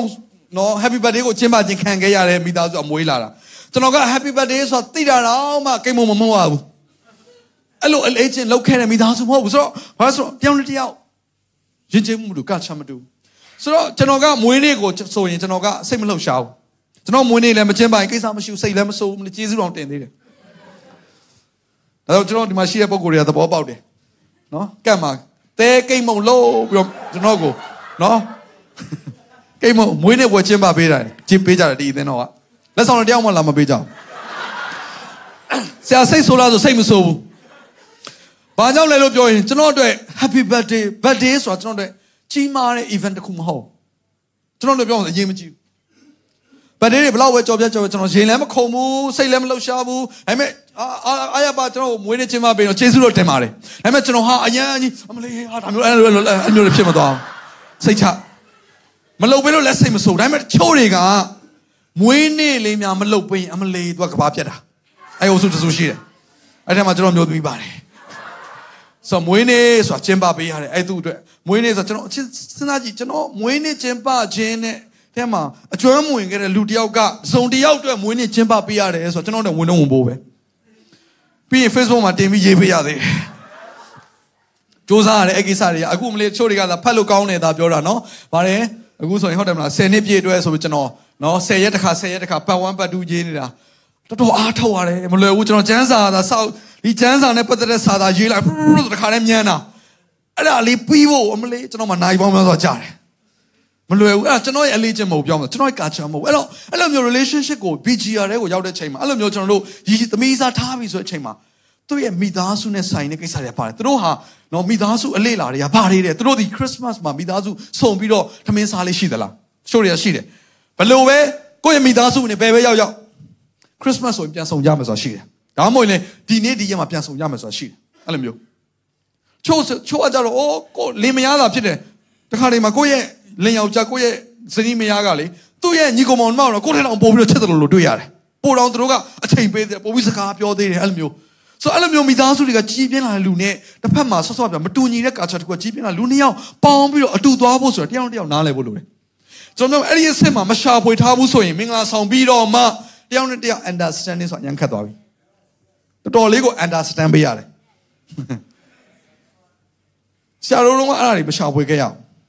ရှာဖွေဖို့အခွင့်အရေးမရခဲ့ဘူးပေါ့ပြောရမယ်ဆိုရင်ဆရာတို့ဒီလိုမျိုး mentoring လုပ်ပေးရလို့မရှိဘူးဒီလိုမျိုး marriage preparation ဆိုတော့ပြောမင်္ဂလာမဆောင်ခင်မှာကြိုပြီးတော့ဒါတွေလုပ်တဲ့နဲ့ဒါတွေပြင်ဆင်တဲ့ဘယ်သူမှမပြောခဲ့ဘူးနောက်တစ်ခုကနှုတ်ကပတ်တော်ဘုရားကျောင်းတွေသွားတဲ့အခါမှာဘုရားကျောင်းမှာဟောတဲ့တရားဟောချက်တွေအားလုံးကဝိညာဉ်ပိုင်းဆိုင်ရာတွေကြီးပဲအခုလိုမျိုးလက်တွေ့အသက်ရှင်မှုနဲ့ဆိုင်တဲ့အရာတွေကိုသင်ပေးတာအရန်ရှားတယ်ငွေကြေးဘယ်လိုသုံးဆွဲရမလဲမသင်ပေးမသင်ပေးခဲ့ဘူး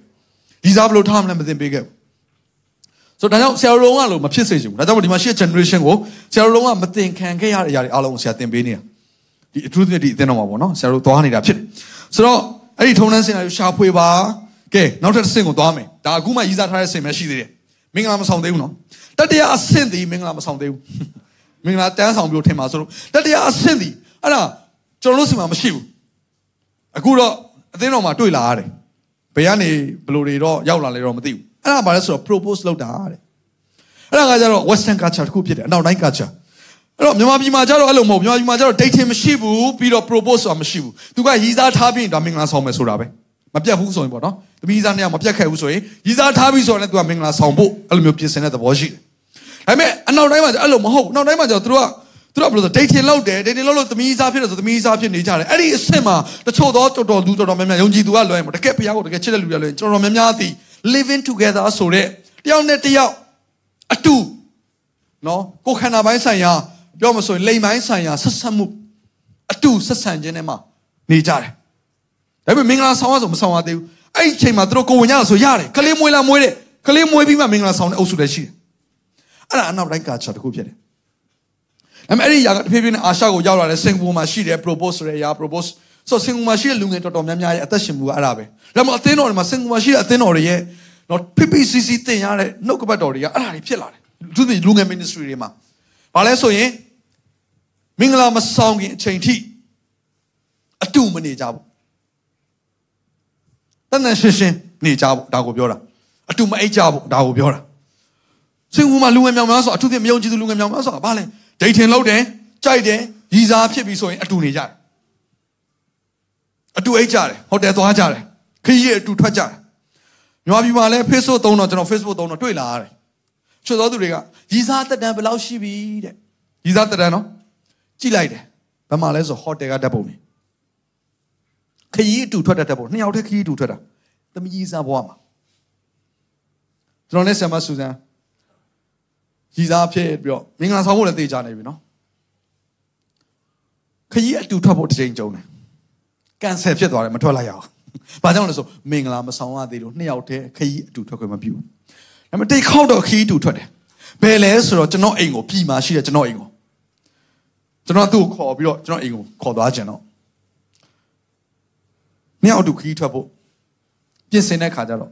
ကျွန်တော်နှစ်ယောက်တည်း အတူခကြီးမထွက်ရတဲ့ကြောင့်ဘယ်သူတွေပါပါလဲဆိုတော့ကျွန်တော်ရောက်ခမနှစ်ယောက်ပါနောက်ကပါလာတယ်အဲ့တော့ကားပေါ်မှာအရှိမပဲထိုင်နိုင်နောက်မှာပဲထိုင်နိုင်အတူပဲထိုင်နိုင်ခွဲပဲထိုင်နိုင်ဘာစကားမှပြောလို့မရဘူးဟုတ်လားရိုမန်တစ်ရိုမန်လက်တစ်လို့မရဘူးနှစ်ယောက်တူဒါမှမဟုတ်ကျွန်တော်တို့ဒီအသင်းတော်ကနေပြီးတော့ဒီလောကကန့်ကန်းတာရအောင်ကန့်သွားတဲ့ခါမှာယောက်ျားလေးမိန်းကလေးတွဲမထိုင်ရဘူးဆိုတာကျွန်တော်တို့တွေ့ခဲ့တဲ့အတွေ့အကြုံကြောင့်ဖြစ်တယ်။ နောက်ကျွန်တော်တို့လောက်တော့မကြက်ပါဘူးနော်။ဒါပေမဲ့ဘာဖြစ်လဲဆိုရင်အတူခရီးနော်မင်္ဂလာမဆောင်ရင်ခရီးအတူထွက်တဲ့ခါမှာတယောက်တယောက်ဘာလို့ physical touch တွေဖြစ်လာပြီ။နောက်တစ်ခါစိတ်ကွယ်ရာကိုရောက်သွားပြီ။စဉ်းစားကြည့်ခရီးအတူထွက်ပြီဆိုတော့တနေရာထဲမှာအတူတရားတော့မှာဟာဘလောက်ပဲလူတွေရှင်းမှာဘလောက်ပဲပြောပြောဟာငါတို့ကလေတယောက်တစ်ခန်းစီခွဲရတာပဲဘလောက်ပဲပြောပြောဘာပုံသက်တွေမှမရှိတော့ရိုးလေးပဲမိဘတွေမပါဘဲနဲ့ နှစ်ယောက်တည်းအတူသမီးစားဘွားမှာခရီးအတူထွက်တယ်ဆိုကြတဲ့ကဟိုတယ်မှာတဲတယ်ဆိုကြတဲ့ကနှစ်ယောက်ပဲခွဲအိတ်အိတ်အခန်းမတူဘူးပဲပြောပြောအဲ့ဒါဒီအားလုံးကိုလူတိုင်းကိုလိုက်ရှင်းပြလို့မရဘူးဟုတ်လားခကြီးအတူထွက်တယ်လူတွေကဒါပဲသိတယ်ခကြီးအတူထွက်မှတော့အတူအိတ်မှာပဲဒါပဲအတူအိတ်မှာတော့အတူအိတ်ပြီပေါ့ရှင်းတယ်နော်အဲ့ဒါရှင်းတာဘာမှမရှိတော့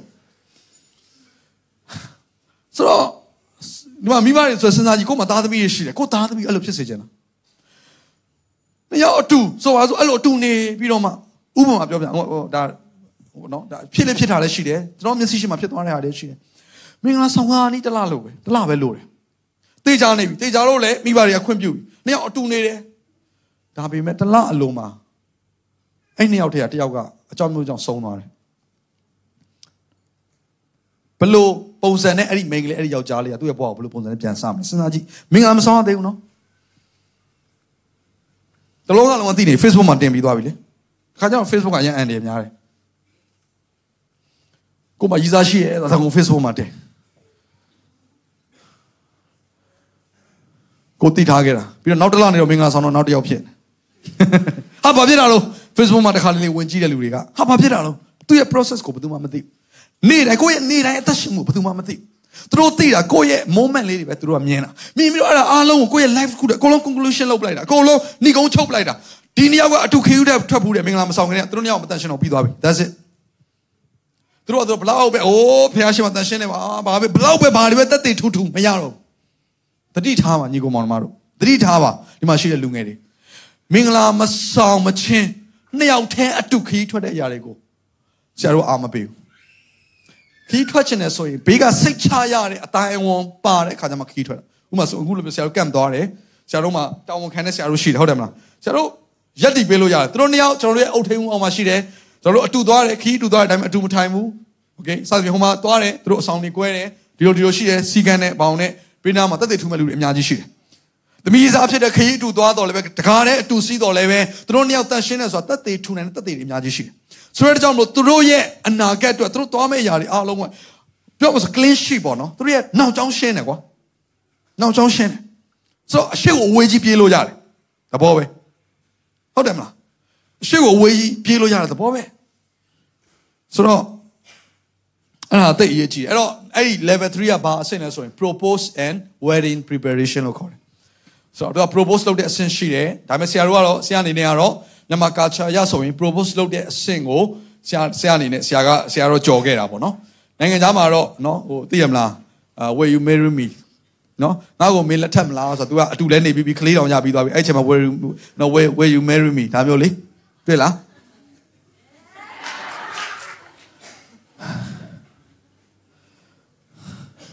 မသိဘူးဆိုရင်ဆရာရဲ့ Facebook မှာဝင်ကြည့်လိုက်ဒါဒူးထောက်တဲ့ပုံတွေတွေ့ရလိမ့်မယ်နောက်ကြောင်းပြန်လှန်ထားတာ so will you marry me တော့တကယ်တော့ will you marry me ဆိုတာဘယ်အချိန်မှာဖြစ်တဲ့လဲဆိုရင်ရည်စားထားတဲ့အချိန်မှာပဲဖြစ်တဲ့တယ်ရည်စားစထားပြီဆိုကြတဲ့က will you marry me yes ဆိုလို့သူတို့နှစ်ယောက်က marriage အတွက်ပြင်ဆင်ကြတာလေဟုတ်တယ်မလားဆိုတော့ဆရာကတော့အတူဟိုကျင်တဲ့လောက်အောင်ကဲပြီးတဲ့အချိန်ကြာမှငါ့ကိုမင်းလက်ထပ်မလားဆိုတာကတော့မဟုတ်သေးဘူးထင်တယ်အဲ့တော့ အရေးကြီးတာပါဆို dating ဆင့်ရင်အဲ့လိုမျိုး BG ကအဆင့်မှာတယောက်တစ်ယောက်ရှာဖွေပါနော်အဆင်မပြေတာရှင်းအဲ့အချိန်မှာလမ်းခွဲလို့ရတယ်ပြဿနာမရှိဘူးမင်္ဂလာဆောင်ပြီးလမ်းခွဲလို့မရတော့ဘူး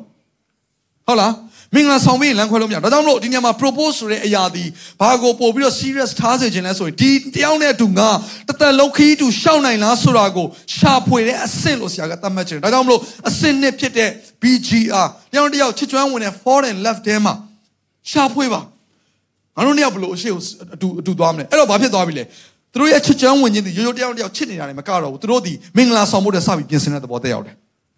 ငါတို့မင်္ဂလာဆောင်ပြီးချင်းကလေးကလေးယူကြမှာလား။ဆက်ပြီးငါတို့ဒီကလေးပဲနှစ်ယောက်ယူကြမှာလေ။ငါတို့နော်ကဲအဲ့ဒါပါဆို wedding preparation အဆင့်ကိုရောက်လာပြီ။ဆိုတော့ wedding preparation မင်္ဂလာဆောင်တော့မယ်ဆိုတတိယပါအဲ့ဒါပါလဲဆိုရင်လုံးဝအဆုံးသတ်ဖို့အတွက်အစပြုတာဖြစ်တယ်။ပြောကြည့်ပါအောင်ပါလဲ။အဆုံးသတ်ဖို့အတွက်အစပြုတာဖြစ်တယ်။ ဒီမင်္ဂလာဆောင်ပြီးတော့နောက်တစ်ယောက်ပြောင်းညင်ရသေးလား။ညတော့ဒီပြီးတော့ဒီတစ်ယောက်နဲ့အဆုံးသတ်ရတော့မှာ။ဟုတ်ပြီနော်ဒီတစ်ယောက်နဲ့အဆုံးသတ်ရတော့မှာ။အဲ့တော့အဆုံးသတ်ဖို့အတွက်အစပြုတာဖြစ်တယ်။အဲ့တော့သေသေးချာချာစဖို့လိုတယ်။ဒါကြောင့်မလို့ကျမ်းစာလည်းဗာပြောတယ်။စစ်မတိုက်ခင်စစ်နိုင်မလားဆိုတာသေချာပြင်ဆင်မနိုင်ဘူးဆိုရင်လည်းကြိုပြီးတော့အဆင်ပြေအောင်သွားပြီးတော့စစ်ပြေငိမ့်ဆိုတော့ကြိုတင်ပြင်ဆင်ရတယ်အဲ့တော့ကဲအဲ့နေရာမှာဆောဆောနော်ကျွန်တော်တို့ level 2မှာတော့ ဆရာပြောခဲ့တဲ့အရာတချို့ရှိတယ် passion တို့ forgiveness တို့နော် commitment တို့ကဲအခု level 3မှာတော့အရေးကြီးတဲ့အရာတချို့ရှိလာပြီအဲ့ဒါဘာလဲဆိုရင်နံပါတ်1ချက်ဝိညာဉ်ရေးရကဲပြောကြည့်ပါဦးဘာလဲဝိညာဉ်ရေးရနဲ့ပတ်သက်တဲ့အကြောင်းအရာတွေကိုဆရာတို့ကအဲ့ဒီအချိန်မှာဆုံးဖြတ်ချက်ချရတာမင်္ဂလာမဆောင်ခင်မှာနော်ဘလို့ပုံစံနဲ့သိလားငါတို့တယောက်နဲ့တယောက်နှစ်ယောက်အတူနေ့တိုင်းအတူဆူတောင်းမလားလက်တွဲပြီးဆူတောင်းမလားအဲ့ဒီမှာဆုံးဖြတ်ရတာ မင်္ဂလာဆောင်ပြီးတော့မှအတူဆူတောင်းရအောင်တယောက်ကဆူမတောင်းခြင်းမှုဆိုပွဲရသိမ်းသွားပြီကြည့်နော်အဲ့တော့ဘယ်ချိန်ကအကောင်းဆုံးချိန်လဲဆိုစောစောပြောတကယ့်ကို passion ရှိနေတဲ့အချိန်တယောက်တယောက် commitment လုပ်နိုင်တဲ့အချိန်မှာငါတို့နှစ်ယောက်အတူဘဝအသက်တာတစ်ခုလုံးကြော်ဖြတ်တဲ့အချိန်မှာတို့နှစ်ယောက်နေ့တိုင်းညတိုင်းမှာအတူလက်တွဲဆုတောင်းရအောင်ဆိုတဲ့အရာ။ဒါမှမဟုတ်အတူကျမ်းစာလေ့လာရအောင်။ဘာမှမဟုတ်လေအတူဖခင်ကြောင့် Sunday တိုင်းမပြတ်သွားရအောင်။အရေးကြီးတယ်နော်။ ငါတို့အတူတူဖခင်ကြောင့်မအမှုဆောင်ရအောင်။အာရှာမှာလည်းအတူမှုဆောင်တာဖြစ်နိုင်တယ်။ငါတို့ Praise and Worship မှာအတူမှုဆောင်ရအောင်။ငါတို့ media မှာအမှုဆောင်ရအောင်။ငါတို့ဖခင်ကြောင့်မ cell group မှာငါတို့အတူပါရအောင်။အခြားသောနော်ဟိုအခြားသောယုံကြည်သူမိသားစုတွေနဲ့အတူစသဖြင့်အဲ့ဒီဝိညာဉ်ရေးအနေဆိုင်တဲ့ကိစ္စတွေကိုဘယ်အချိန်မှာဆုံးဖြတ်ချက်ချရလဲဆိုသမီးစားဘဝမှာဆုံးဖြတ်ချက်ချရတာဖြစ်တယ်မင်္ဂလာဆောင်ပြီးတော့မှသွားပြီးဆုံးဖြတ်ချက်မချနိုင်မဖြစ်တော့ဘူးအတွေ့အကြုံများပြောပြနော်ဆရာတော်ကအဲ့လိုဝิญဉ်ရနဲ့ဆိုင်တဲ့အရာတချို့ကိုဆုံးဖြတ်ချက်မချခင်နိုင်ခဲ့တဲ့ခါကျတော့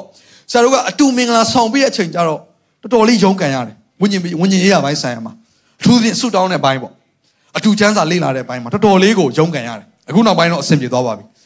အဲ့တော့အရန် struggle ဖြစ်ခဲ့ရတယ်ဆိုတော့ဆရာလိုမဖြစ်စေချင်ဘူးအဲ့တော့တကယ်ကိုတယောက်တယောက်ချစ်ကျွမ်းဝင်ပြီးတယောက်တယောက်အရန်နားလဲပြီးတော့ခွင့်လွတ်ပေးနိုင်တဲ့အချိန်မှာဝิญဉ်ရရနဲ့ပတ်သက်တဲ့ဆုံးဖြတ်ချက်တွေချကြပါအဲ့တော့ကျန်းစာအတူဖတ်မယ်ငါတို့အလှငွေကိုအတူဘယ်လိုပုံစံမျိုးနဲ့ထည့်မယ်ဆယ်ဘိုးဘိုးနဲ့ကိစ္စနဲ့ပတ်သက်တဲ့ကိစ္စနဲ့ပတ်သက်တဲ့အရာအဲ့အချိန်မှာဆုံးဖြတ်ချက်ချပါနောက်တစ်ခုဘာလဲဆိုရင် နောက်တစ်ခုအရေးကြီးတဲ့အရာတစ်ခုမင်္ဂလာမဆောင်ခင်မှာမိသားစုမိဘတွေရဲ့ကောင်းကြီးမင်္ဂလာအရန်ရေးကြီးတယ်ဟုတ်လားမိဘတွေရဲ့ကောင်းကြီးမင်္ဂလာအရန်ရေးကြီးတယ်အဲ့တော့တချို့ကဘယ်လိုလဲဆိုရင်မင်္ဂလာဆောင်တဲ့နေ့ကျမှမိဘရောက်လာတာမျိုးရှိတယ်ဆရာတို့အဲ့လိုမဖြစ်စေချင်ဘူးမိဘရဲ့ကောင်းကြီးမင်္ဂလာအရန်အရေးကြီးတဲ့ကြောင့်မလို့ယုံကြည်သူဖြစ်ရှင်လည်းဖြစ်မယ်မဖြစ်လည်းမဖြစ်မယ်ဒါပေမဲ့သူတို့ကိုကိုကလေးစားတဲ့အနေနဲ့သူတို့ဂုံပြုတဲ့အနေနဲ့မင်္ဂလာမဆောင်ခင်ကတည်းကကိုယ့်ရဲ့ ကိုမင်္ဂလာဆောင်မဲ့ကိုယ့်ရဲ့ဇနီးမယားဖြစ်လာမဲ့ကိုယ့်ရဲ့ချစ်ရတဲ့မိန်းကလေးပဲဖြစ်ယောက်ျားလေးဖြစ်တဲ့သူကိုကိုယ့်ရဲ့အိမ်ကိုခေါ်သွားဖို့အရန်အရေးကြီးတယ်ကိုယ့်ရဲ့အိမ်အခြေအနေကိုပြဖို့အရေးကြီးတယ်ကိုယ့်ရဲ့မိဘတွေနဲ့အတူစားတောက်ပြီးတော့စကားပြောတတ်ဖို့အရန်အရေးကြီးတယ်တကယ်လို့အဲ့ဒီအချိန်ကတည်းကကိုယ့်ရဲ့မိသားစုနဲ့မိတ်မဆက်ပေးခဲ့ဘူးဆိုရင်မင်္ဂလာဆောင်ပြီးသွားတဲ့အခါမှာဘယ်အဆင့်မှာပဲရှိလဲဆိုရင်ရောက်ခမအဆင့်မှာပဲရှိတယ်မိဘအဆင့်မရောက်မလားတော့မိသားစုအဆင့်ရောက်မလားတော့ဘာနဲ့တူသွားလဲဆိုရင် လုံးဝမိသားစုကြီးနဲ့ခွဲခွာပလိုက်တဲ့ပုံစံပေါက်သွားတယ်ချို့တွေကမိသားစုနဲ့အရန်ချစ်တယ်ဥပမာဆိုကျွန်တော်မိသားကျွန်တော်ကျွန်တော်ရဲ့အမျိုးသမီးဆိုသူကသူ့ရဲ့သူ့ရဲ့အာမိသားစုနဲ့အရန်ပို့ပို့ပြီးတော့အချိန်နော်သူအချိန်ယူခြင်းတယ်ဆိုတော့အခုလိုခီးထွက်တယ်ပြန်ရောက်လာပြီးဆိုရင်သူသွားပြီးတော့တရက်လောက်သူအိမ်ကိုသွားတယ်အဲ့မှာသူမိဘသူသမင်းစားမယ်စကားပြောမယ်အဲ့မှာအတူအိမ်မယ်ဒါမျိုးပေါ့နော်ပြီးတော့မှညနေလောက်ကြာမှကျွန်တော်သွားပြီးတော့သူခေါ်ပြီးတော့ပြန်လာဒါမျိုးလေးသူအချိန်ယူခြင်းတယ်ဆိုတော့ဟို ကျွန်တော်ဆိုရင်လည်းကျွန်တော်တို့ဒီမှာကျွန်တော်ညီကိုနှစ်ယောက်တည်းရှိတယ်ကျွန်တော်အဖေနဲ့အမေနဲ့ဆိုတော့ကျွန်တော်မိသားစု၄ယောက်တည်းရှိတဲ့ခါကျဒီမိသားစု၄ယောက်ထဲမှာကျွန်တော်အချိန်ယူခြင်းနဲ့စကားပြောခြင်းနဲ့အချိန်လေးတွေရှိတယ်နော်ကျွန်တော်ကျွန်တော်မိဘတွေစီသွားပြီးကျွန်တော်အချိန်ယူခြင်းတာလေးရှိတယ်ဆိုတော့အဲ့ဒါမျိုးတွေအားလုံးအဆင်ပြေဖို့ရန်အတွက်မင်္ဂလာမဆောင်ခင်ကတည်းကငါရဲ့မိဘကဒီလိုနော်ငါတို့ရဲ့အိမ်အခြေအနေကဒီလိုနော်ငါတို့ရဲ့ထမင်းစားဝိုင်းကဒီလိုနော်ဆိုတာကိုသူသဘောပေါက်သွားဖို့လိုတယ်အဲ့လိုဖြစ်သွားတယ်ဆိုရင်မင်္ဂလာဆောင်ပြီးသွားတဲ့နောက်ပိုင်းမှာသူဟာ in law ဆိုတဲ့ရောက်ခမအဆင့်လောက်ပဲ မဟုတ်တော့ဘဲနဲ့မိသားစုဆိုတဲ့အဆင့်ကိုအလိုလိုဖြစ်ဖြစ်သွားတယ်မင်္ဂလာဆောင်ပြီးမှအဲ့ဒါကိုစ조사မယ်ကိုယ့်ရဲ့တော့မင်္ဂလာဆောင်ပြီးတော့မှကိုယ့်ရဲ့မိသားစုကိုမိတ်ဆက်ပေးမယ်ဆိုရင်တော်တော်နောက်ကျသွားပြီမိသားစုသိမဆန်တော့ဘာကြောင့်လဲဆိုရင် तू ကကိုယ့်ကိုရသွားပြီလေကိုကလည်းသူ့ကိုရသွားပြီအဲ့ဒီဆော့ဆော့မိသားစုတွေမပိုင်နဲ့ကိုတို့ကိုဘွားနှစ်ခုလုံးကိုနှစ်ယောက်ကိုဘွားကိုကိုတို့နှစ်ယောက်တည်းအတူရှောက်လို့ရပြီဘယ်သူမှပါကြမလို့ဟုတ်တယ်မလားရတာပဲရှောက်မယ်ဆိုရင် ဒါပေမဲ့တကယ်မိသားစုဆန်တဲ့စီလုံးညီညွတ်ခြင်းနဲ့နှစ်ဖက်အတိုင်းဝိုင်းနဲ့သွားခြင်းတဲ့အရာမျိုးဖြစ်ခြင်းနဲ့ဆိုရင်တော့မတိုင်ခင်တည်းကပြင်ဆင်ရတယ်။ Okay ကဲဆက်ပြီးသွားမယ်။ညားသွားပြီ။ဘယ်နိုင်ရှိသွားပြီလဲ။ Okay ကဲနောက်တစ်ခုနောက်တစ်ခုမင်္ဂလာမဆောင်ခင်မှာစောစောကလည်းပြောခဲ့ပါတယ်။ယောက်ျားလေးတွေမိန်းကလေးတွေဒီကောင်မိန်းကလေးတွေပါလာပြီ။သူနှစ်ကိုတဲကိုပြတ်မှာအတူနေမယ်ဆိုရယ်စိတ်ကူးတွေဆွန့်လွတ်လိုက်ပါ။ နော်ယောက်ျားလေးယောက်ျားပြီးသားပါနော်ကျွန်တော်ပြောမယ်နှစ်ယောက်အတူမင်္ဂလာဆောင်ပြီးသွားရင်မိသားမိဘတွေစီကထွက်သွားတာအကောင်းဆုံးနည်းလမ်းဖြစ်တယ်โอเคချို့တွေကမိဘတွေအိမ်မှာအခုလက်ရှိချိန်ထိနေတဲ့လူတွေရှိပါဦးမယ်မင်္ဂလာကြမင်္ဂလာဆောင်ပြီးတဲ့ချိန်ထိဒါပေမဲ့ကျွန်တော်အကြံပေးခြင်းတယ်ကျွန်တော်ရဲ့အတွေ့အကြုံလည်းဖြစ်တယ်နှုတ်ကပတ်တော်ရလည်းဖြစ်တယ်နှုတ်ကပတ်တော်ထဲမှာရိုးရိုးလေးပဲစံစာထဲမှာပါပြီးသားကပောက်ကျန်ခန်းကြီးနှစ်မှာ ထိုအကြောင်းကြောင့်ယောက်ျားသည်ကိုမိဘကိုစွန့်၍ကိုခင်ပေါ်၌မိဝဲသဖြင့်သူတို့သည်တသားတကိုယ်တည်းဖြစ်ရလိမ့်မည်ဖက်တွယ်ထားလို့မရတော့အဲ့တော့ကျွန်တော်ကျွန်တော်တို့ဂျေဇုကချီးမွမ်းစရာတခုကပါလဲဆိုတော့ကျွန်တော်ရောက်ခမကနော်တမက်မို့လို့လားတော့မသိပါဘူးနှုတ်ကပတ်တော်ရလာတော့လည်းမသိပါဘူးသူကတော့ပြတ်တယ်မင်္ဂလာမဆောင်ရင်ကလေးကမင်းတို့မင်္ဂလာဆောင်ပြီးရင်ငါအိမ်မှာမနေရဘူးနော်အပြတ်ပြောထားပြီးသား ကျွန်တော်ပုံနဲ့နေမဲ့ပုံများပေါက်နေလို့လားတော့မသိဘူးကြိုပြောထားပြီးသားဆိုတော့ကျွန်တော်တို့ကကျွန်တော်သိပြီးသိပြီးမင်္ဂလာဆောင်ပြီးရတယ်ငါငါတို့ဒီကိုဘွားကိုကိုကိုချော့ဘကိုရက်မှာဆိုသိပြီးသွားပြီဆိုတော့အိမ်အိမ်ဝယ်ဖို့ကလည်းကိုကပတ်စံမရှိဘူးဆိုတော့သိကြတယ်အိမ်ငှားတော့ဒါဆိုအိမ်ငှားဖို့ပတ်စံရှိလားအဲ့အတွက်လည်းကြိုပြင်ဆင်ရတယ်ကြည့်လို့အဲ့တော့မင်္ဂလာဆောင်တဲ့အခါမှာကျွန်တော်မင်္ဂလာဆောင်တဲ့ကုန်ကြစေး plus အိမ်ငှားစေးပါတခါလေးထည့်တွက်ရတယ်ဒီမှာရှင်းနှစ်ယောက်ကအရန်ချစ်တယ်ချစ်တာမှတော်တော်ချစ်ပြီးတော့ နှစ်ယောက်ကစဉ်းစားကြည့်တသားတကိုယ်တည်းဆိုတဲ့ကိုခန္ဓာလည်းပေါင်းစည်းပြီးစိတ်ဝိညာဉ်လည်းပေါင်းစည်းပြီးကျမ်းစာထဲမှာပြောတယ်ပြည့်တန်စာနဲ့အိတ်တော်သူကပြည့်တန်စာနဲ့တလုံးတော်ရတယ်ဖြစ်တယ်လို့ပြောတာဟုတ်ဆိုရင်နှစ်ယောက်အတူအိတ်လိုက်တာနဲ့အဲ့နှစ်ယောက်ကတလုံးတော်ရတယ်ဖြစ်သွားတဲ့သဘောပဲဝိညာဉ်သဘောအရဇာတိသဘောအရအားလုံးကတသားတကိုယ်တည်းဖြစ်သွားတဲ့သဘောပဲဆိုတော့အဲ့တော့တသားတည်းတကိုယ်တည်းဖြစ်သွားတဲ့ becoming one တော့မဟုတ်ဘူးဒါပေမဲ့တသားတကိုယ်တည်းဆက်ဆံသွားတဲ့အဲ့ဒီနှစ်ယောက်ကတခါမှမရှိခဲ့တဲ့ နော်ဟိုတယောက်တယောက်ယင်းဒီကျောင်းဝင်ကျောင်းကျွမ်းဝင်ခြင်းထဲမှာနဲ့ဆိုင်တဲ့ຢာတစ်ခုရှိလာပြီပြီးတော့တယောက်တယောက်ဘသူနဲ့မှဘသူမှပေးသိလို့မရတဲ့ချစ်ကျွမ်းဝင်ခြင်းတွေရှိလာပြီဘသူမှပေးပြီးတော့နားထောင်လို့မရတယောက်တယောက်ပြောတဲ့စကားတွေရှိလာတာကိုကိုယ့်ရဲ့မိဘအိမ်ကြီးမှာငုတ်တုတ်ကြီးထိုင်ပြီးပြောလို့မရတော့ဘူးဟယ်လိုကိုယ့်ရဲ့လှုပ်ရှားမှုတိုင်းကိုသိနေတဲ့ချားလူတွေမဟုတ်ကိုမိပါတယ်ကိုညီကောင်မောင်မတွေ ချားထဲမှာဘလုံမလင်မယားနှစ်ယောက်ရဲ့ romantic ကိုတိဆောက်လို့မရအောင်အကြောင်းမျိုးကြောင့်နေရတာဖြစ်နိုင်ပါတယ်ဒါပေမဲ့အားပေးခြင်းတယ်နှုတ်ကပတ်တော်နီးလန်းရပဲပြောပြောလူရဲ့ social နီးလန်းရပဲစဉ်းစားစဉ်းစားအကောင်းဆုံးဒီမင်္ဂလာဆောင်ပြီးတာနဲ့တီးတန့်ခွဲနေတာအကောင်းဆုံးဖြစ်တယ်အဲ့တော့ကျွန်တော်တို့စပြီးမင်္ဂလာเนาะမင်္ဂလာဆောင်ပြီးတဲ့ပထမဦးဆုံးเนาะရက်ကစပြီးကျွန်တော်တို့ဟာအိမ်ငားနေခဲ့ ဒါလည်းကျွန်တော် Facebook မှာဆိုကျွန်တော်အဲ့အကြောင်းလေးရေးပါတယ်အိမ်ငားနေတယ်ဆိုတော့အိမ်ငားရတယ်နော်ပြီးတော့အိမ်ငားတဲ့အတိုင်းပဲအိမ်ငားတဲ့တောင်တနေရာတနေရာပြောင်းရတာရှိတယ်တချို့ကနော်ဟိုအခုနောက်ပိုင်းဆိုအရစ်ကြအိမ်ဝယ်တာတွေရှိလာပြီဆိုရင်ကဲအရစ်ကြတော့ပထမဦးဆုံးဘယ်လောက်သွင်းရမလဲအဲ့အတွက်ငွေကြေးရှိပြီလားအဲ့ဒါဒီအားလုံးကဘယ်အချိန်မှပြင်ဆင်ရလဲဆိုမင်္ဂလာမဆောင်ခင်မှာပြင်ဆင်ရတာမင်္ဂလာဆောင်ပြီးတော့မှအဆင်ပြေတဲ့နေရာမှာနေမယ်ဆိုတော့မလုံးနဲ့အဲ့တော့ main လေးတွေ make sure သိချအောင်လုပ်ပါ သင်ဟာသင်ချစ်ရတော့သင်ရဲ့ယောက်ျားနဲ့မင်္ဂလာဆောင်ပြီးရင်သူကကိုယ့်ကိုဘယ်ကိုခေါ်သွားမှာလဲသိချမေးနော်ဟယ်လိုဟဲဒီကြောက်ကချော်လိုက်တာဟဲဒီကြောက်ကတော့ချစ်စရာနော်ဒီကြောက်ဖះတော့ဆရာကြီးရနော်ဟိုသူ့ကြည့်လိုက်ဖះကိုတိတ်ချစ်တာပဲဆိုဖះကိုတိတ်ချစ်ပြီးပြီးလဲပြီးတော့နေရနေစရာမရှိဘူးတကယ်ချစ်ရင်ပြင်ဆင်တယ်ပြောကြည့်ပါဦးတကယ်ချစ်ရင်ပြင်ဆင်တယ်အဲ့တော့ဘာဖြစ်လာပြီလဲ အဲ့ဒီအဆင့်မှာအဲ့ဒါတွေအားလုံးကိုစပြီးတော့ပြင်ဆင်ရတယ်ဆိုတော့အိမ်ကိုပြင်ဆင်ရတယ်ရှိလာပြီးပြီးတော့နော်မင်္ဂလာဆောင်တဲ့အခါမှာချို့ကရှိသေးတယ်ချို့ကရွာကရွာမှာမင်ပြန်ပြီးမင်္ဂလာဆောင်မယ်ဆိုအုပ်စုတစုရှိတယ်နောက်တစ်ခုကနော်မင်္ဂလာဆောင်ပေးတဲ့အခါမှာနော်ချို့ကမိဘတွေကသူတို့ရဲ့ဆရာကိုမင်္ဂလာဆောင်ပေးစေချင်တယ်။ဒါပေမဲ့ကိုကကြောင့်မဟုတ်ဘူးဆရာစောတိရပဲမင်္ဂလာဆောင်ပေးဆိုတာရှိတယ်။မဟုတ်ဘူးဆရာတိုက်တက်စမှာမင်္ဂလာဆောင်ဆိုတာရှိတယ်။အဲ့တော့မင်္ဂလာဆောင်ပေးတဲ့ကိစ္စမှာတဲ့သူကညှိနှိုင်းရတာတွေအများကြီးရှိတယ်။အဲ့တော့ကိုဖြစ်ချင်တဲ့အတိုင်းတာတိုင်းသွားပြီးမလုပ်ပါနဲ့။ မိဘတွေကိုယိုသေးပါ။မိဘတွေဖြစ်စေချင်တဲ့အရာကိုလိုက်လျောဖို့အကောင်းဆုံးချိန်ဖြစ်တယ်အဲ့မင်္ဂလာဆောင်ပွဲ။ဟုတ်ပြီနော်။ဒါပြိုင်တဲ့ထဲမှာကိုဖြစ်ချင်တဲ့အရာကိုလည်းအဲ့မင်္ဂလာဆောင်ပွဲမှာ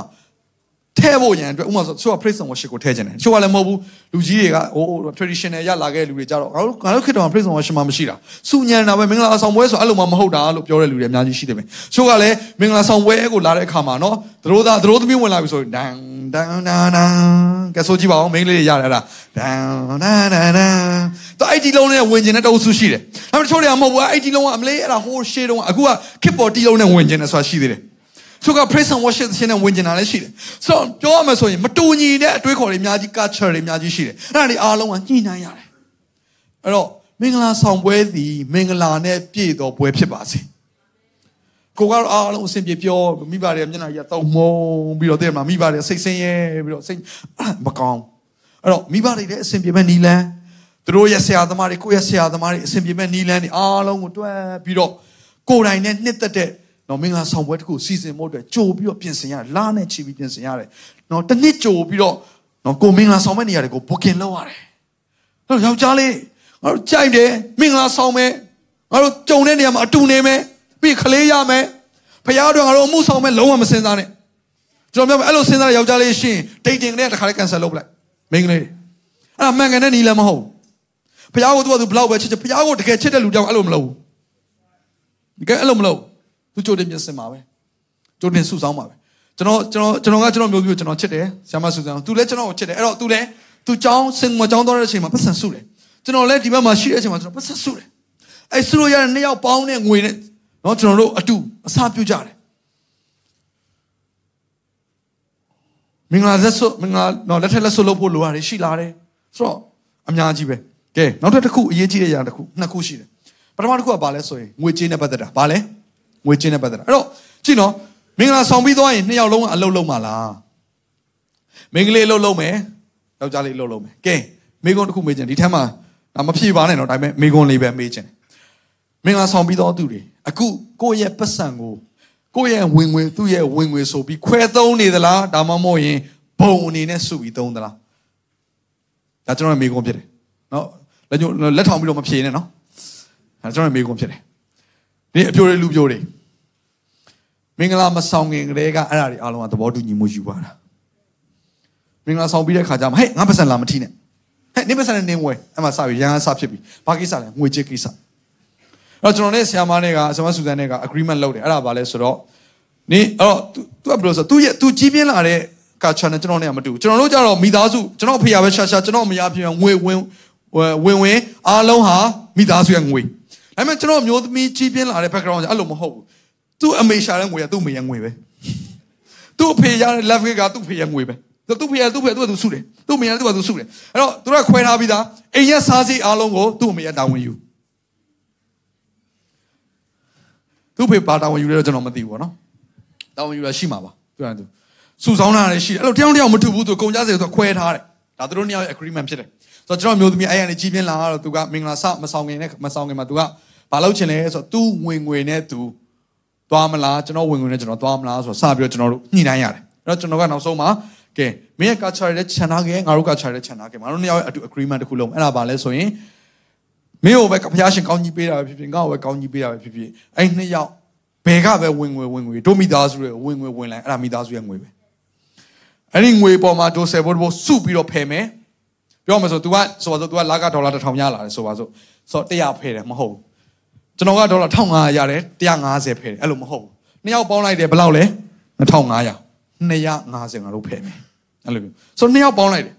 ပြီးရင်အဲ့ဒီကနေပြီးတော့မိသားစုတက် plan လုပ်တယ်အဲ့တော့သူ့ငွေကိုယ့်ငွေမဟုတ်တော့ဘူး သူ့ဝင်ကိုယ်ဝင်မဟုတ်တော့မိသားစုရဲ့ငွေဖြစ်တယ်ဒီငွေကိုဖခင်ကောင်းကြီးပေးမယ်တို့မိသားစုကောင်းကြီးပေးမယ်ဒါဟာနောက်ထပ် generation အတွက်ကောင်းကြီးမင်္ဂလာဖြစ်တယ်ကိုယ့်ရဲ့နှစ်ဖက်မိဘတွေကိုပြန်ပြီးတော့ပေးခြင်းတယ်ဒီငွေတွေကနှစ်ယောက် agreement နဲ့တူထုတ်သုံးတယ်တို့တယောက်တယောက်ခွဲပြီးတော့သုံးရင်ဘာဖြစ်လာလဲဆိုတော့ကိုကကိုယ့်ရဲ့သူ့ရဲ့မိဘကိုသူဘယ်လောက်ပေးနေတယ်ဒီဘက်ကလူကမသိဘူးအဲ့လိုပဲဆိုတော့ကျွန်တော်ကကျွန်တော်ငွေခွဲသုံးကျွန်တော်မိတော့မိဘတွေကိုကျွန်တော်ကျွန်တော်ပြန်ပြီးတော့ဘယ်လိုဘယ်လိုကောင်းကြီးပေးနေတယ်သူမသိတော့မသိတော့ဆိုပါစို့ကျွန်တော်ဖေကားဝယ်လိုက်တယ်ဆိုပါစို့ဆိုပါစို့နော်တကယ်ဖြစ်ပြတော့မဟုတ်ပါဘူးကားဝယ်လိုက်တယ် ကျွန်တော်အမျိုးသမီးစဉ်းစားမှာပဲသူ့အဖေအမေကားဝယ်တာဝင်ငွေဘယ်ကရလဲ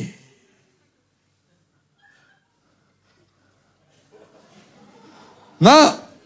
မတူတူတူဂိမ်းဆော့ပြီးကြီးနေတာသဘောပေါက်ပြီသားဒီနောက်ကဘက်တော့သူတို့တော့မဟုတ်ဘူးခုမှကလေးတွေပဲရှိသေးတယ်ဆိုတော့နော်သူကစဉ်းစားတယ်ဒီငါမစဉ်းစားမှာပဲစဉ်းစားကြည့်တယ်စဉ်းစားမှာပဲဟုတ်တယ်မလားဟာ တလို့ငါငါတို့အိမ်မှာငါဒီလိုငွေဒီဒီပစ္စည်းတစ်ခုကိုဒီဒီဆိုတော့ဒီပစ္စည်းတစ်ခုကိုဝယ်မယ်လို့ငါငါယောက်ျားငါပြောတယ်သူကပတ်စံမရှိဘူးလို့သူပြောတယ်ဒါဆိုရင်အခုသူ့အဖေမေဝယ်တဲ့နော်ကားအတွက်သူကပတ်စံဘယ်လောက်တောင်ပေးလိုက်တယ်လဲကြည်တန်တရားတွေဖြစ်လာပြီလို့လို့ကြည်နော်ခွဲပြီးသုံးတဲ့ခါမှာတန်တရားတွေတယောက်တစ်ယောက်ဝင်လာတယ်ဒါကျွန်တော်တို့နော်ဒီຢာတွေကိုအရန်ကြူးဆိုင်ရတယ်ဘာကြောင့်လဲဆိုရင်မင်္ဂလာဆောင်ပြီးသွားတဲ့ခါမှာကြားဘူးလားတစ်ကြက်တစ်ကြက်တစ်ကြက်တစ်ကြက်တစ်ကြက်နဲ့ဆိုတာလေကြားဘူးလား ကြက်ကြက်ကြက်ကြက်ဆိုတာအဲ့ဒါဟင်းချက်တာပြောတာမဟုတ်ရန်ဖြစ်တာကိုပြောတာမင်္ဂလာဆောင်ပြီးသွားရင်အခုချိန်ကြီးမတက်သေးဘူးတယောက်တယောက်ရန်ဖြစ်တော့ကောင်းတော့တယောက်တယောက်အထိုးလို့ကြိတ်တော့ကောင်းတော့အဲ့ဒီအားလုံးဘယ်ကလာလဲဆိုရင်အဲ့မိသားစုကိစ္စတွေနဲ့လာတယ်မိဘတွေနဲ့အတူနေတဲ့ကိစ္စကနေလာတယ်ငွေကြေးတွေခွဲသုံးတဲ့ကိစ္စကနေရောက်ရောက်လာတတ်တယ်ကြောင့်အဲ့ဒါတွေအားလုံးမဖြစ်သင့်ဘူးနောက်တစ်ခုကကျွန်တော်ပြောရမယ်ယောက်ျားနဲ့မိန်းမနှစ်ယောက်အတူမိသားစုကိုစတယ်ဆိုတာအဲ့ဒါလေ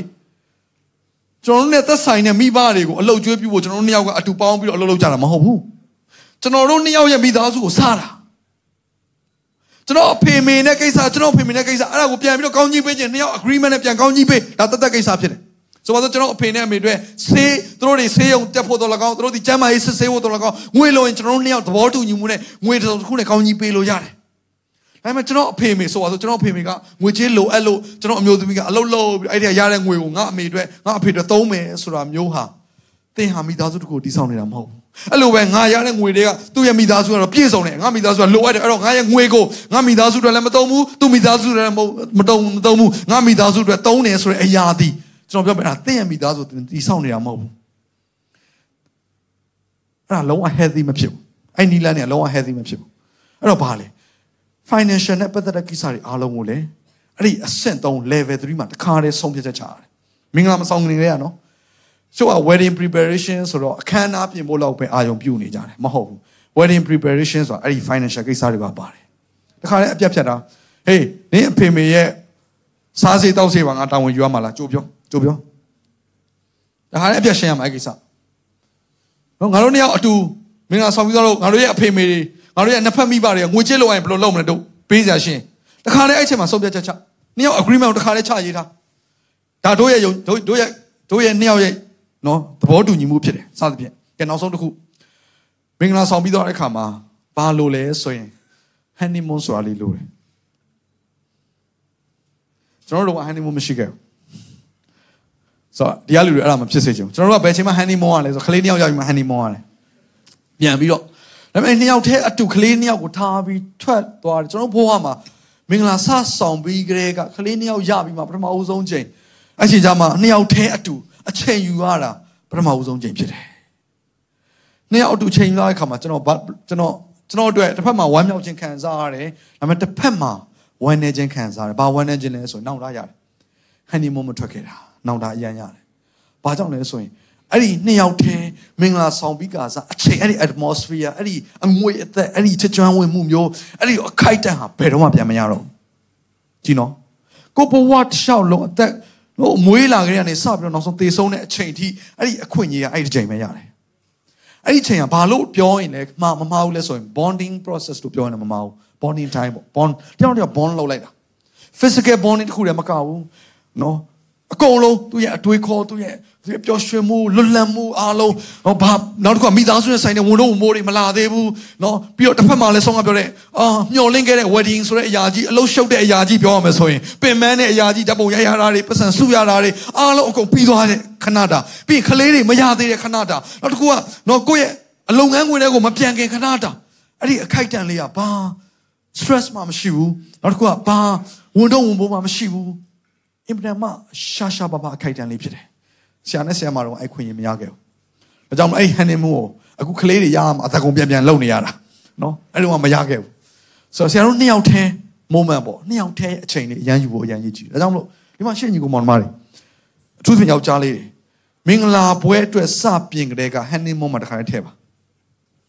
မင်္ဂလာပွဲပြီးပြီးချင်းသွားမလားဒါမှမဟုတ်တစ်ပတ်လောက်နားပြီးမှသွားမလားဒါသင်တို့ရဲ့သဘောဖြစ်တယ်ဘယ်ကိုသွားမလဲဒါသင်တို့ရဲ့သဘောဖြစ်ဒါပေမဲ့တေးချင်နှစ်ယောက်တည်းချို့ကဟန်နီမွန်တော့ပြောတယ်မိသားစုကတခါတည်းခေါ်သွားရှိတယ် ဟာမိသားစုကြီးနမင်းဟန်နီမွန်သွားတာဟမ်နှစ်ဖက်မိဘတွေကပါတယ်ဗျာပျော်လို့တယ်လိုက်လာတာတဲ့သူတို့ကတဲ့